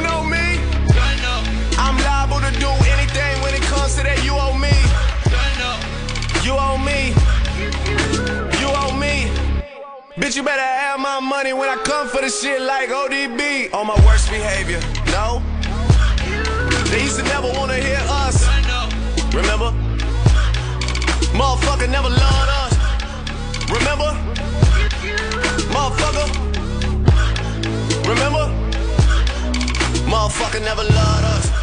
I'm on my worst behavior. Don't you ever get it fucked up. Motherfuckers never loved us. Man, motherfuckers never loved us. Worst behavior. Motherfucker never loved us. Fucker never loved us. Worst behavior.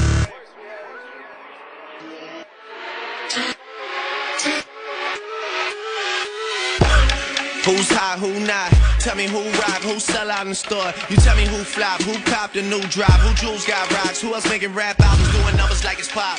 Same old pimp, Drake, you know ain't nothing changed. with these funny style niggas we done put on in the game. I just asked for some blessings at my grandmother's grave, then it's back to LA. Open the mail, staring at the check. Enough to make you throw up, man, it's gross what I net. I'm with my whole set, tennis matches at the crib. I swear I could be Serena when she playing with her left. Oh, where I reside, it look like a resort inside. Nigga, where your shit from? I imported mine. Ball miss for money like my last name, more than high. Fuck you, bitch, I'm more than high. My mama probably hear that and be mortified. This ain't the son you raised. He used to take the Acura at 5 a.m. to go and shoot the grassy up on the side. For all the stunting, I'll forever be immortalized. Yeah, back and forth across the borderline. Hate to leave the city, but I gotta do the overtime. Gone all the time, even the important times. I should let you know ahead, I'm coming back on my worst behavior. Remember? Remember? Motherfucker? Remember? Hold up, hold my phone. They used to never wanna hear us. Remember? Motherfucker never loved us. Remember? Motherfucker? Remember? Worst behave. Þú verður að prófa El Gringo American Style Bröðrófan er komin aftur í djúsin eða á samlokuna. Joe and the Juice, kaffi, djús og svo miklu meira. 14 stöðuvar og 7 sundlöðar á aðeins 6.840 krónur á mánuði. World Class. Gommugláp og bland í póka í kvöld. Stöð 2 marathón er stútfullt af frábærum þáttaröðum sem þú getur hort á hvar og hvenar sem er. Tryggðu þér áskrift fyrir aðeins 2990 krónur á mánuði á stöð2.is. Tala saman. Alla virka daga, millir fjögur og sex. Í bóði Dominos og Once Upon a Time in Hollywood. Komin í bíó. Jú, jú, það er sýtið settur að tala saman hér í sýtiðinu. Við vorum að kveðja jú. hann uh, Björn Leo Brynjarsson sem er uh, leikskáld og er að frumsýna leikverk í Þjóðlugusinu Borgarleikhúsinu. Já, Borgarleikusinu, fyrstaðin átjönda Október. sem heitir Stórskáldi Jói Sig, hvað með aðalhuturski gerist í Amazon frumskóinum Já, við erum mega peppuð. Ég er fárlega peppuð. Um, maður bara svona peppaðir og, og svona líka langar smá að vera að gera þetta skilur Mhm. bara svona, vá, þetta er þetta er eitthvað sem ég var til að vera að gera skilur og bara geggjað að fá nýtt skáld inn í borgó. Já, það er ekkert betra Eitthvað en meira fresh. Eitt brakandi skáld. Bragandi fyrst. Ég er uh, með þarna shoutout dagsins sjói Já, og það er þarna uppáhalds, uppáhalds, uppáhalds mím síðan mín á Instagram. Já, er það Petrunar Það eru Petrurnar. Petra er betra á Instagram. Já, ég sko, ég sverða um, það er það er svona hálft ár síðan ég hálft, rúmlega hálft ár síðan ég komst að því að það væru íslenskir mýmakantar Mhm. eða svona það væri í alvörun alveg bara svona freka mikið af íslenskum mýmakantum ég var svona, á- ég hef alveg alltaf verið svolítið mikið að fylgjast með bandarískum mýmum og svo svona uh, aðeins svona misti ég áhugan eitthvað að vera eitthvað að followa endalast af mýmsíðum svo byrjaði margar að loka og svo bara svona margar ekkert consistently fyndnar. Nei, nei, nei. Og mikið af gælunum sem ég var að followa til dæmis bara hætti að gera mím og fóru bara að búa til solgleru eða eitthvað með Já. sitt following. Já, já, eitthvað þannig. Bara svona ok, ég ætla bara að skipta um bara ég er búin að eða ára lífið minni að gera mím ég ætla bara að fyrir í háskólanám núna. Já, og allavega Petra er betra þær eru með 3900 followers á Insta Mhm. og bara svona besta til að kíkja á á Insta bara svona eitt af fáu sem að eitt af þessum nokkur hlutu sem að svona halda manni þar inni sko, í þessu cursed appi. Mhm. og þær eru bara fyndnar. Þar eru svo finnar uh, þær eru bara held ég annarkvort að klára grunnskóla eða nýbyrjar í mentaskóla Já, það verðist vera frekar ungar. Já, um, ég held mögulega séð þar nýbyrjar í mentaskóla og í vor hafi það verið í, í, í grunnskóla. Mhm. og það er svona, það er ekkert eitthvað að posta eitthvað á hverjum einasta degi en þegar það posta þá er það fyndið. Já, það er, það er mjög fyndið sko. Ég, Það er alveg bara líka mitt Þetta er uppáhalds Instagrami mitt sko. Hvað er uppáhalds mýmið með þeim? Mitt er sko mitt er svolítið gamalt. Það er hann að það er alltaf að gera svona vídeo með þú veist sveppa og eitthvað það taka bara svona, svona íslenska hluti og setja þá í bara eitthvað geðveitt skrítið samhengi eins og Mhm. bónusmýmið með þú veist lissó undir eða eitthvað. Íslenski strákar mýmið það sem eru svona boys lægið með lissó það er svo gott. Já, það var rosalega gott. Mér varst eiginlega bara þannig að kom bara næst síðast frá þeim þegar þannig að dönsku kennarinn spilar eitthvað lag og það er bop hann er á dönsku og síðan eitthvað svona reaction við því það er mjög gott. Það er líka svo gott lingo, maður er alltaf að fá nýjasta lingoið. Þau vita um, hvað er nýjasta lingóið, Petrunar sko. Já, það veit að það, þær, eru, þær eru bara svo sem, þær sem uh, sko bara skilgrana hvert mm nýjasta mýmið er, nei, nýjasta lingoið er sko. og þær eru að nota þig alveg reglulega Já, í mím- já, ég er bara ég, og þú gerir vist samkvæmt þeim svona mýmabúl myndir. Já, ég er bara stoltur að fá að vera efni viður í eitthvað grín hjá Petrónum sko. hérna erst þú mynda þér í óperunni og þú ert svona með svona skelvingasvip með svona óperu make-up þegar þú heyrir liklunum í skranni og þú ert ekki búin að taka kjúklingin úr fristinum og bara svona sem ég veit ekki, bara eitthvað svona það er alltaf að setja eitthvað svona uh, úr þeirra daglega lífi sko. Já. og svo gera það stundur svona question box á Insta Mhm.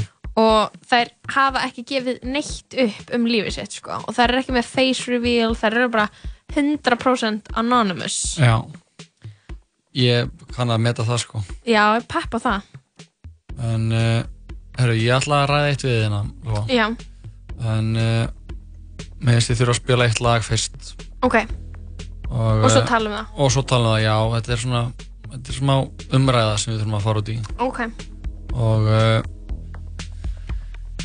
Og já, við ætlum að halda bara að fá að spila lög að þessum eh, lista sem ég pitchforka út núna bara í vikunni yfir uh, bestu lög áratugurins já, það er geðið Það náttúrulega er uh, það er að skipta skoðanir á Pitchfork sem þetta er allt skemmtilega lög samt samt sem áður. Og Já, eh, ég er peppuð. þú er peppuð. Og eh, næst er það eh, ein uppáhalds listakonna þáttarins. Tala saman það er okkar allra besta Sissa og lagið heitir The Weeknd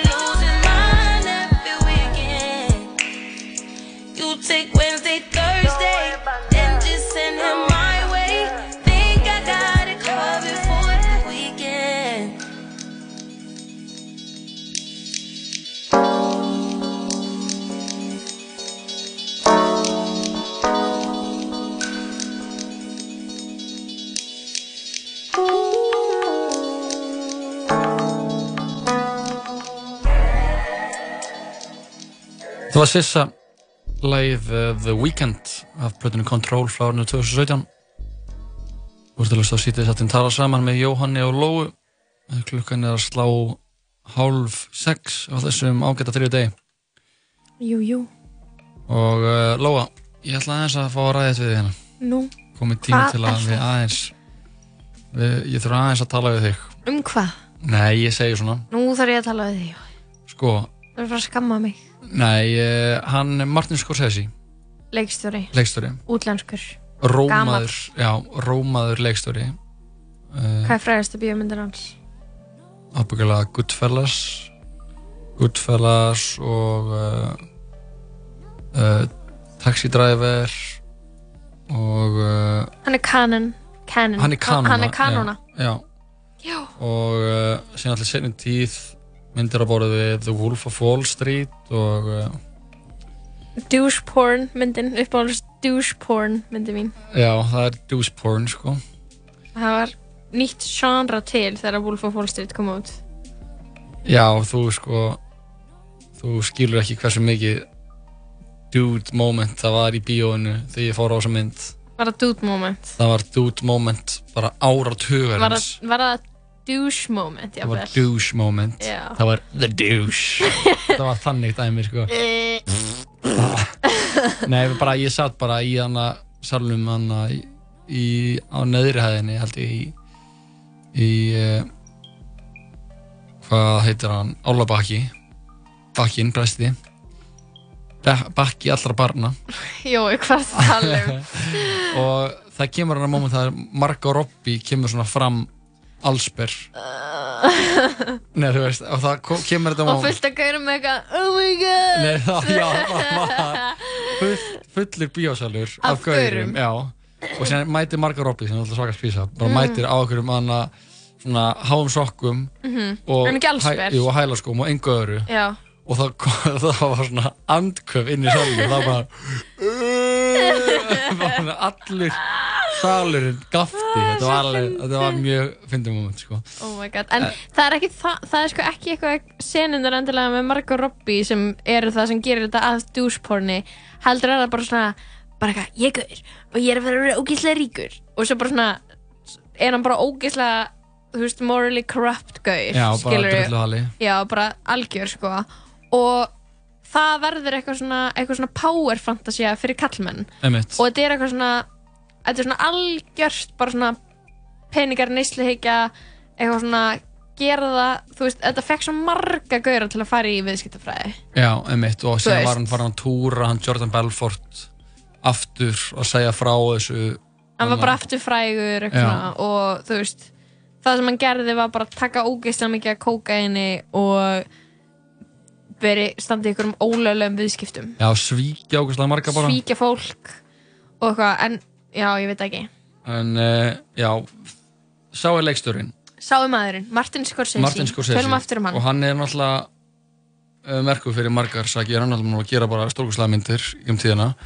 Og uh, nýjasta myndin hans, The Irishman er hún að frumsýnd uh, 1. november og kemur svo í kjálfarið á Netflix 27. november Mhm. og mér finnst þetta smá merkilegt fyrir það að sækja að þetta er bara svona hann er svona stór hann er svona kanúna að gera mynd sem er að fara mjög fljóðlega á Netflix Mhm. og uh, í þessari mynd leika ekki verri menn en uh, Robert De Niro, Al Pacino og Joe Pesci sem eru allir svona bara eins, Mhm. eins og Scorsese kanonur í sínum geira og, og hann er í svona einhverju kynningar kynningarherferi núna, hann Scorsese um þessa mynd og uh, var í viðtalið við kvimundablaðið Empire dögunum og uh, og uh, sko hann uh, fer að tjá sig um Marvel myndinar, ofurhittum myndinar sem eru búin að ríða feikila feitum hesti síðastliðin ár og Mhm. rauninni ræður bara Disney bara lögum og ríkjum bara núna í, í bransanum að það er bara Mhm. þú veist, þeir bara eru með árin árin plönuð bara, það kemur stór Disney mynd hana Mhm. bara stór óritu mynd að vetri til, að sumri til og það, það er bara svona þetta er bara orðin algjör bransi í já, kringum þetta já, já, já, 100% og uh, hann uh, hann fer að tjá sig um þetta hann uh, sko segja sig í viðtali og, og í rauninni segir að þessar myndir Marvel uh, séu ekki kveimdir Mhm. hann lítur ekki á þetta sem kveimdalist hann myndi líta á þetta frekar sem einhvers svona kveikmynda uh, tækjagarð Mhm. eða, eða svona, einhvers svona tífóli Mhm. kveikmynda tífóli Mhm. hann uh, sagðist hafa reynt að líta á þetta sem uh, þú veist, cinema Mhm. cinema sem er þú veist bara kveikmynd Mhm. uh, en hann gæti í hrinskilið sagt ekki litið á þessar myndir sem, sem slíkar uh, hann væri það náttúrulega það væri það einhver leitið því þetta leikar að gera það besta sem þeir geta undir uh, í þeim aðstæðum sem þeir eru statur í Mhm. en þetta væri rauninni bara uh, einhvers konar tækjagarðar eða og þetta væri og sett rökin fyrir þessu, hann segir hann að þetta sé ekki er ekki, hans, ég ætla bara að fá að vitni hann önskan hann segir, it isn't the cinema of human beings trying to convey emotional psychological experiences to another human being. Og uh, sko ástæðan fyrir að mér langar að ræða þetta við þig Lóa, Mhm. er að ég hef ekkert séð miklar umræður um þetta í kjölfara þessa viðtals. En ég, ég tók eftir miklum umræðum um þetta sko bara á Twitter, Twitter. Uh, og þar upphófst bara svona voru, alveg tveir svona tvær hlýðar í þessu máli. Þeim sem finnst uh, Marvel, ofurhetjumyndir og Marvel-myndir vera vera bara listaverk. listaverk. Sem á er jafn rétt hátt og Scorsese-myndir já. Mhm. og svo hitt sem bara sem eru sammála honum uh, Scorsese. Scorsese. Og í rauninni fór þetta út frá því að vera að snúast um Scorsese og, og, og, og Marvel og fór að snúast meira bara um að geta sagt að einhver list sé góð og önnur list sé vond. Emmitt og uh, rökin með að allt væri gott var bara að fólk hefur gaman að uh, al öllu eða eitthvað svona fólk með alls konar smekk. alls konar smekk. Já, og, gerir, og mismöndi myndir gera mismöndi hluti fyrir mismöndi fólk já og uh, finnst þetta var ótrúlega áhægt að pæla eitthvað nýtt, þú veist, hvað Þetta myndi mig bara á að ég byrjaði MR í back með Lord Pusswhip og við vorum að rífast um hvort að Justin Bieber væri listamæður eða ekki. Já. Það voru bara sömu rökræður. emmitt Bara svona, já, hann gerir eitthvað sem er svona, gerir hann það að, gerir það að hann að listamanni og hann Mhm. búið til tónlist. Mhm. Þú veist, bara þessi umræða, skilur við. Já. Og já, mér finnst kannski, mér finnst bara, mér myndi alltaf finnast skrítið að halda því fram núna einhvern veginn að út af því eitthvað er skemmtilegt að áhugavert að það sé listaverk Mhm. það er það ekki, Nei. það er ekki kriterían skiluru Nei, nei, nei, emmitt og ég held að sé enginn að byggja að þú veist, jú, en nei, nei, nei, nei. umræðna fór snúast um það að fólk sem að fer bara og sér ofurhetjumyndir sé að svelta sig. Af menningu. Já, já, emmitt, að það sé menningarsnaukt já, eða runni skilur ekki endilega að manneskjöndar séu menningar snauðar Nei, heldur að það að, að, að fara ekki að sjá neitt annað að gera neitt annað að upplifa eitthvað öðruvísi sem heldur en þannig tegund afþreyingu, mm -hmm. svona eins og Mhm. að þá sérst að neyta þér um alls konar stórmerkilegar upplifanir. Emmitt, það er eins og að borða bara grillaða samlokur já, þetta er eins og að borða bara flatköku með smjöri. En það er samt, minnst það vera samt svo íslenskt og svona sér ok, það er bara það er eins og að borða mm, pítsu, bara. Já, bara pítsu. pítsu með eh, bara Dominos pítsu. Já, Þú veist, hvað hva land Já, en ekki Æ, sko, ég fór í eitthvað tíma einu sinni fyrir löngu sem Mhm. fjallaði um að þú veist að við séum alltaf að þú veist, einhvern veginn alltaf að skoða eftirmyndir af upprunulega hlutum Mhm. og ken, pælingir um að þú veist, núna getur þú bara gert allt og kallað það pítsu þú veist, það er bara svona pítsa þegar hún er fundin upp eða, bú, eða veist, verður til Já. þá er hún bara svona eitthvað ákveðið með eitthvað áleiki nákvæmlega og núna er bara það er að gera alls konar pítsu? Það er að gera pítsu úr baconbotni? Það er að gera pítsu úr blómkáli? Það er að gera pítsu úr einhverju sem þú veist er eitthvað heilkveiti skilur Það er bara, það er bara pítsu og búin til bara á, á gólfmottu. Mhm. En þú veist, upprunalega pítsan er bara, þú veist, það er bara s- specific hlutur, skilur Já, Það verður til í Ítalíu, Já. á Ítalíu sem að er bara með þessu áleiki sem einhverja ákvæmna áleiki og getur ekkert sett hvað sem er á pítsu og kalla það pítsu. Nei, nei. þá hættir það að vera pítsa Já, og já, punkturum minn er bara eitthvað svona að, þú veist pítsan sem við borðum sem er alls konar er góð en hún er kannski ekki pítsa hún er ekki pítsa pítsa emitt Já, og finnst þetta líka bara finnst merkilegt að sjá að það voru sumir sem voru að halda því fram sko að það væri eitthvað svona hrók í fólkinu því að, eh, að líta svo á að að Marvel myndir væru ekki veist, uppfylltu ekki þannig að einhver, einhver svona upp í ykkur box eða tikkuðu ekki í ykkur box Mhm. uh, sem uh, listaverk einhvern veginn krefst þess að láta tikka í Mhm. og þetta var aldrei svona einhverju svona Það er einhvern pers svona persónulegum raukraðum eða eitthvað þannig já, já, og fór svona nú meira um einhvern veginn einhvern veginn svona hrókan að geta sagt að eitthvað eitt sé gott af því að allt er nú bundið í skoðanir en mér, mér finnst bara einhvern veginn Og líka þetta, það sem var, það var líka verið að gefa í skinn var einhvern veginn að smekkur tengist eitthvað svona menningar snoppi Mhm. og eitthvað þannig. Mhm. Mér finnst það alveg, úst, ok, mér fannst þess að raukraðir ekkert eitthvað, mér fólk ekki koma kannski með eitthvað brjálæðislega compelling punta eða skilur eitthvað svona punta sem ég var að leika, já, þarna kjarna er þetta. Nei, nei. Heldur, þú veist, finnst mér samt alveg valið líka að tala um bara eitthvað svona aðgengi fólks að menningu, skilur Já, algjörlega. Og líka bara svona en eitthvað svona hva, hvað hver er ábyrð skilur ég veit ekki, þú veist, kapitalismi stjórnar náttúrulega bara öllu og það verður til þess að Marvel myndir eru á toppnum. Þú bara, bara út í það svo mikið bing bang bung, eitthvað spennandi og eitthvað ókslega dýrt og flottar teknibrallur og eitt celeb og eitthvað þú veist, þá er það bara það sem fólki fær að sjá. Já, já, og þú veist þeir sem er ekki með eitthvað svona an- aðgang, aðgang inn í eitthvað svona eitthvað svona menningar þú veist, e- ekki elituna en svona það sem þykir fínt, það sem list er það sem listamenn eru. Skilur já en, en fólk getur svona alltaf bara, þú veist, það er allir bara með netið.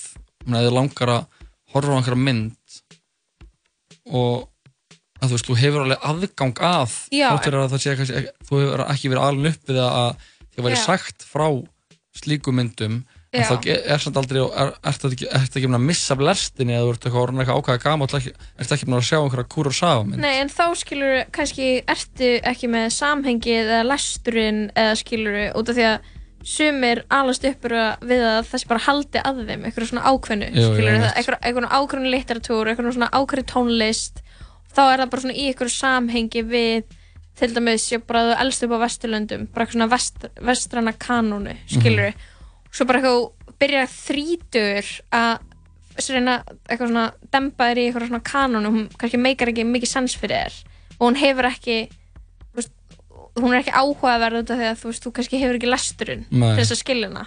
Nei, og þú veist, af hverju ættir að veist, af hverju ætti ykkur að fara og lesa Tolstói þegar að þú getur bara farið í bíó og haft gaman skilur við, eða fara, af hverju ættir að fara erfið að langa þú veist, allt þetta, menning er svo mikið þú veist, element í því er bara ægi. Mhm. það er bara að vera nógu ag, öguð manneskja til þess að sitja í gegnum eitthvað sem er ekki thrilling allan tíman, Nei, en og gefur eitthvað að- annað í já, staðinn er ekki að örfa þig það er ekki búið til til að örfa þig eins og þessar Marvel myndir eru gerða það er bara, Mhm. það eru sex mismundi plott í gangi Mhm. og 25 bardaðatriði og ógeðslega mikið af bara samböndum og gríni og bara öllu, það er bara allt gert Tæknibrellum, skilurðu. já, og það er allt gert svo þú þá er aldrei leið á því sem er að gerast Mhm. og það er, já, en þú veist bara þessi hugmyndum að sé til eitthvað objektíft listaverk sem er gott. Að vera objectively gott listaverk bara hlut, Það er bara ekki til. hlutlaust, bara gott listaverk. Það er bara ekki til. Er það bara ekki til. Nei, en það er held ég til fullt af hlutum sem eru ekki list. Ég held að það sé miklu auðveldar að segja Þetta er ekki list. Mhm. Bara þetta er eitthvað svona hlutur. Þetta er um, skilur skemmtiefni. En Já, já. ég held að þú getur ekki sagt Objectively gott listaverk myndur þú segja að Marvel myndirna væru listaverk? Myndur Lóabjörg segja það? Mm, Nei, öruglega ekki. Ég myndi segja samt að það myndi fara ógeðslega mikið að hæfileikum í að búa þetta til. Já, og eitthvað eins og, en líka eins og með Justin Bieber. Bara til þess að fara aftur að því að það ég hefði átt í rökraði um það fyrir mörgum árum Mhm. skilur og síðan þá langar mig ekki svo rosalega mikið að tala um þetta. Út af því að þú veist pældi að taka þessa umræðu við eitthvað sem er með miklu meira menningalæsa heldur en þú. Einmitt. sem getur bara sle slegið um sig með því að bara svona droppa þessu og þessu nafni og búin að lesa þetta og þetta, þetta og eitthvað. Þú veist þá ertu bara svona eitthvað, já ok þú veist, þú veist betur mentaðir heldur en ég bara, þú veist, eitthvað. En þú veist, þú getur haft hæfileika eins og Justin Bieber er alveg hæfileikaríkur hann er ekki listamæður Nei, það ekki? Ég menna, þú veist, er hann það? Þú veist, hann gerir bara pop-hittara hann er með geðut Er geðut fær, skilur í sinni svona fær í svona sínu krafti hvað segir Já. maður? Í bara, bara í sín, á sín, sínu sviði bara Já, en ég veit það ekki. Ég, ég standi kannski ekkert við þetta en það var bara svona spurning eitthvað poptónlist og... Og bara Ariana Grande, já, það var heldur ekki lista Mainst, eitthvað svona mainstream tónlist og mainstream menning, Marvel, poptónlist þú veist, þetta er þá allt sami flokkurinn, Mhm, skilur við mhm. gert til þess að vera eitthvað ek- bara sem auðveldast að hlusta á og sem me- mesta boppið, Mhm, skilur við mhm. ég Já, veit ekki, það þannig að ef þú ætlar að segja þetta um Marvel þá verður að segja þetta um Justin Bieber og, og, og Ka- Katy Perry. Já, einmitt. Það er margt í mörgu Höldum henni áfram að lösa tónlist og komum sér aftur til ásend You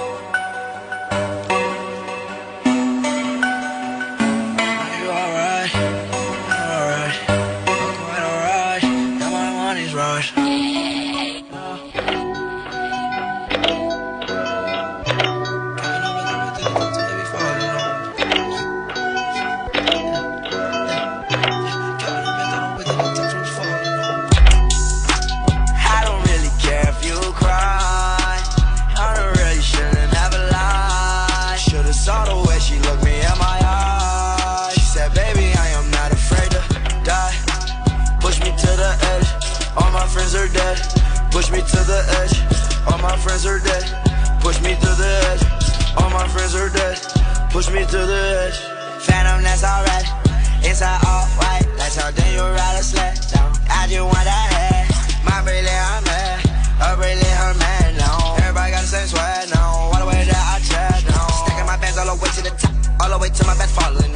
Time that you leave your spot, your girlfriend call me like, come on over. I like the way that she treat me, gon' leave you, won't leave me. I call it that Casanova. She said I'm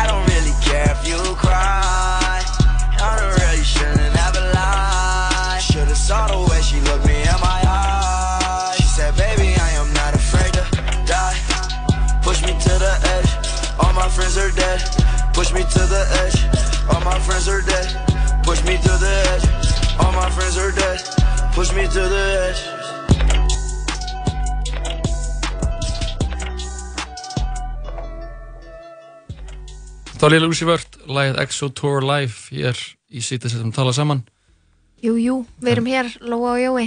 Jú, jú, það fer nú, að- að líða á uh, að lokum hjá okkur í dag. Já, en uh, við fengum til okkar nóg gestum í dag og hvað sé, hlustu á eitt lagi viðbót og, og rappa síðan þættinu með það? jú, gerum það. Er það er við, við erum ennþá við, við okkur í gegnum hennan 200 lega pitchfork lista Já, við erum að fara yfir bestu við lög uh, áratugurins áratugurins Hvað, fáum við einhverja, einhverja gellu? Ég þessum að gellu pepp, ég er að fara með uppistand eftir minn en þrjá tíma. Já, við slum bara fara í annað sætið á listanum. Það var engin annar en uh, ein okkar allar upp á sinni þetta Nú, hver er það? Það var hún Grimes og uh, lagið hennar Oblivion var í öðru sæti yfir bestu lög áratugurins Ok, vel, til ham ekki hún Fárlega vel gert. til hafði við hún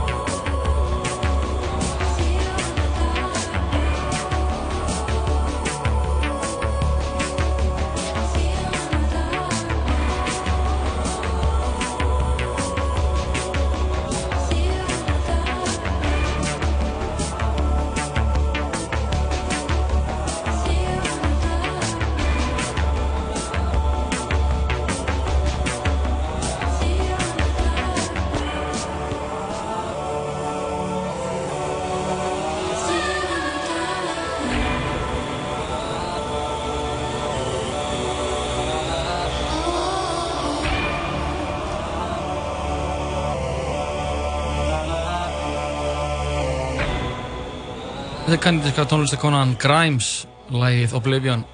Hér, er klukkuna vantar 7 minnir í 6 á þessum þriðju degi. Síðan þátturum tala saman að lífundir lók í dag. Jú, jú. Hún erum við pakkaðan þátt, fengum til okkar uh, tvo gesti. Hjördísi Eithors ljósmyndar á ljósmyndaskólanum og hún er að eh, gefa út ljósmyndabók og að segja okkur frá kofanu sínum á Snæfellsnesi bara eitthvað drauma líf lítið drauma líf. og við ætlum að setja klippur frá þessu á vefinu þetta. það er þetta að hlusta þetta allt aftur og varst að kveika núna Heldur betur. og svo var hann Björn Leo hjá okkur Björn Leo er leikskáld og fyrsta verkið hans í borgarleikusinu verður sett á svið næstu viku, frumsýning 18. oktober Já, Fössara, svo mikið pepp. já, algjörst pepp og vorum í vandamálunum með honum. Vorum með eitt óksla flóki vandamál og annað svolítið svona auðleysanlegt. Já, það var alveg voru heiminn og hafa millir þessara vandarmála. já, við þurftum alveg að fara út í bara heim, við þurftum alveg bara svona alveg að þú veist, opna alveg bara opna umræðina um sko vorum að tala um tilfinningar og, og framhjáhöld og svik og hend Mhm. ég veist þetta var bara svona þessi heimsbyggi tími Mm En uh, það er bara gaman að geta farið svona um við öll já, hjálpað. Og hjálpa þeim sem hjálp þurfa. Og uh, við getum bendum á það að það hættir að senda okkur vandamál sem þið viljið að við hjálpum ykkur við að leysa þau á uh, loa at uh, 100.life Mhm. eða joey at 100.life já, og uh, við bara hvetjum ykkur endilega okkur. Finnst gaman að leysa þetta sko. Og, og stundum getur verið gott að fá svona, svona ferst perspektíf, svona utanakomandi auga. Já, á aðra sín maður er svo ofta að tala í vini sinum hluti og þeir eru bara, úst, þeir eru oft, oft svo ótrúlega sammála manni og þeir eru vini manns. Segja oft það sem maður vill bara heyra. Úst, úst, og við erum bara hér og við getum alveg real talkað freka mikið sko. Já, við erum alveg hérna bara á bara fyrir allan peningin sko. 100 p ok, það er sérst bara komið að kveðustund Já. Jói minn og, og þakka ég bara fyrir þáttun í dag og, og þakka þér kæri hlustandi fyrir áverðina Já, við ætlum að henda þáttinn á uh, að því lægi sem uh, Pitchfork liðar telja besta lag síðasta áratöður það er, og ég er mjög spennt ég veit ekki, hvað, er, þetta- er þetta kann ég? uh, Nei, þetta er Kendrick Lamar Lægið All Right með Kendrick Lamar Ok, af geggjað. plötunni To Pimp a Butterfly frá árinu 2015 sem, já, Pitchfork liðum þótti besta lag þessi áratöður Já, Eðislegt, þið þurfum bara að meta það fyrir ykkur sjálf. Já, erstu sammála þessu? uh, Nei, Nei, en uh, en gott lag einhver síður. gott lag enga síður. All's my life I has to fight, nigga. All's my life I hard times like yeah, bad trips like yeah. Nazareth, I'm fucked up, homie, you fucked up, but if God got us, then alright.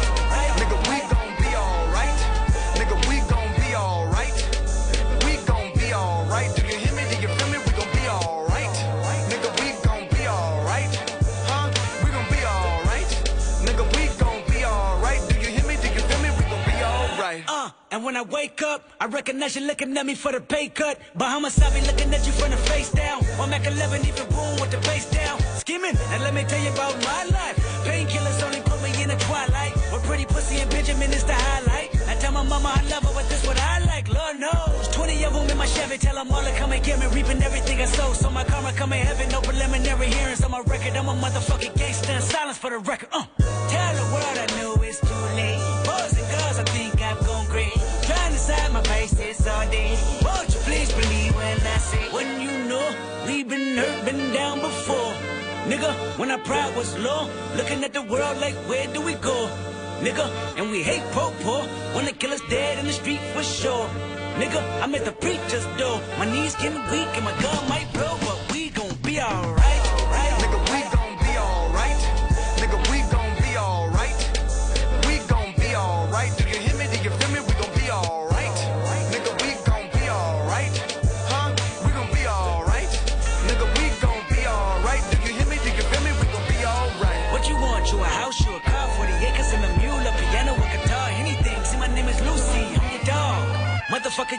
Live at the mall. I can see the evil, I can tell it. I know it's illegal. I don't think about it. I deposit every other zero. Thinking of my partner, put the candy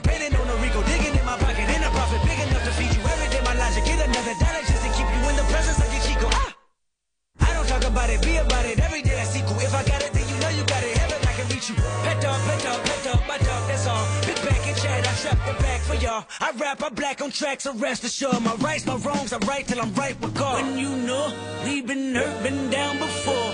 Nigga, when our pride was low, looking at the world like, where do we go? Nigga, and we hate po po, wanna kill us dead in the street for sure. Nigga, I'm at the preacher's door. My knees getting weak and my gun might blow, but we gon' be alright.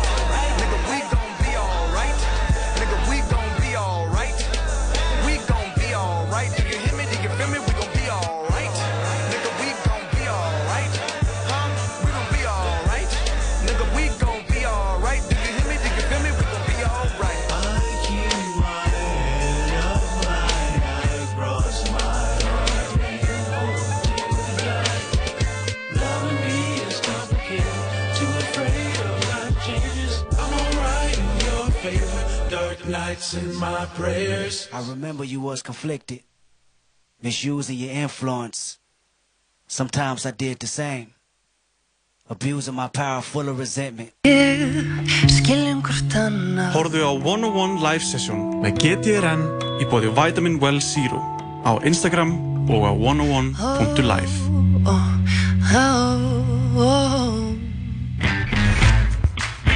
Þriðjudags tilbúð Dominos. Fyrir þúsund kall færðu miðstar af pítsu með þremur áleikstegundum að eigin vali ef þú sækir. Gildir fyrir klassískan, ítalskan og löfléttan botn. Dominos. Á lista yfir 50 bestu myndir ársins að mati Evrósku kvikmyndaakademíunar. Hvítur hvítur dagur. Komin í bíó. Hamburgerabúla Tómasar, þriðudagstilbóð, þriðudagstilbóð.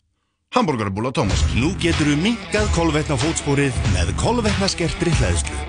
Hleðsla, 100% hágæða prótendryggur.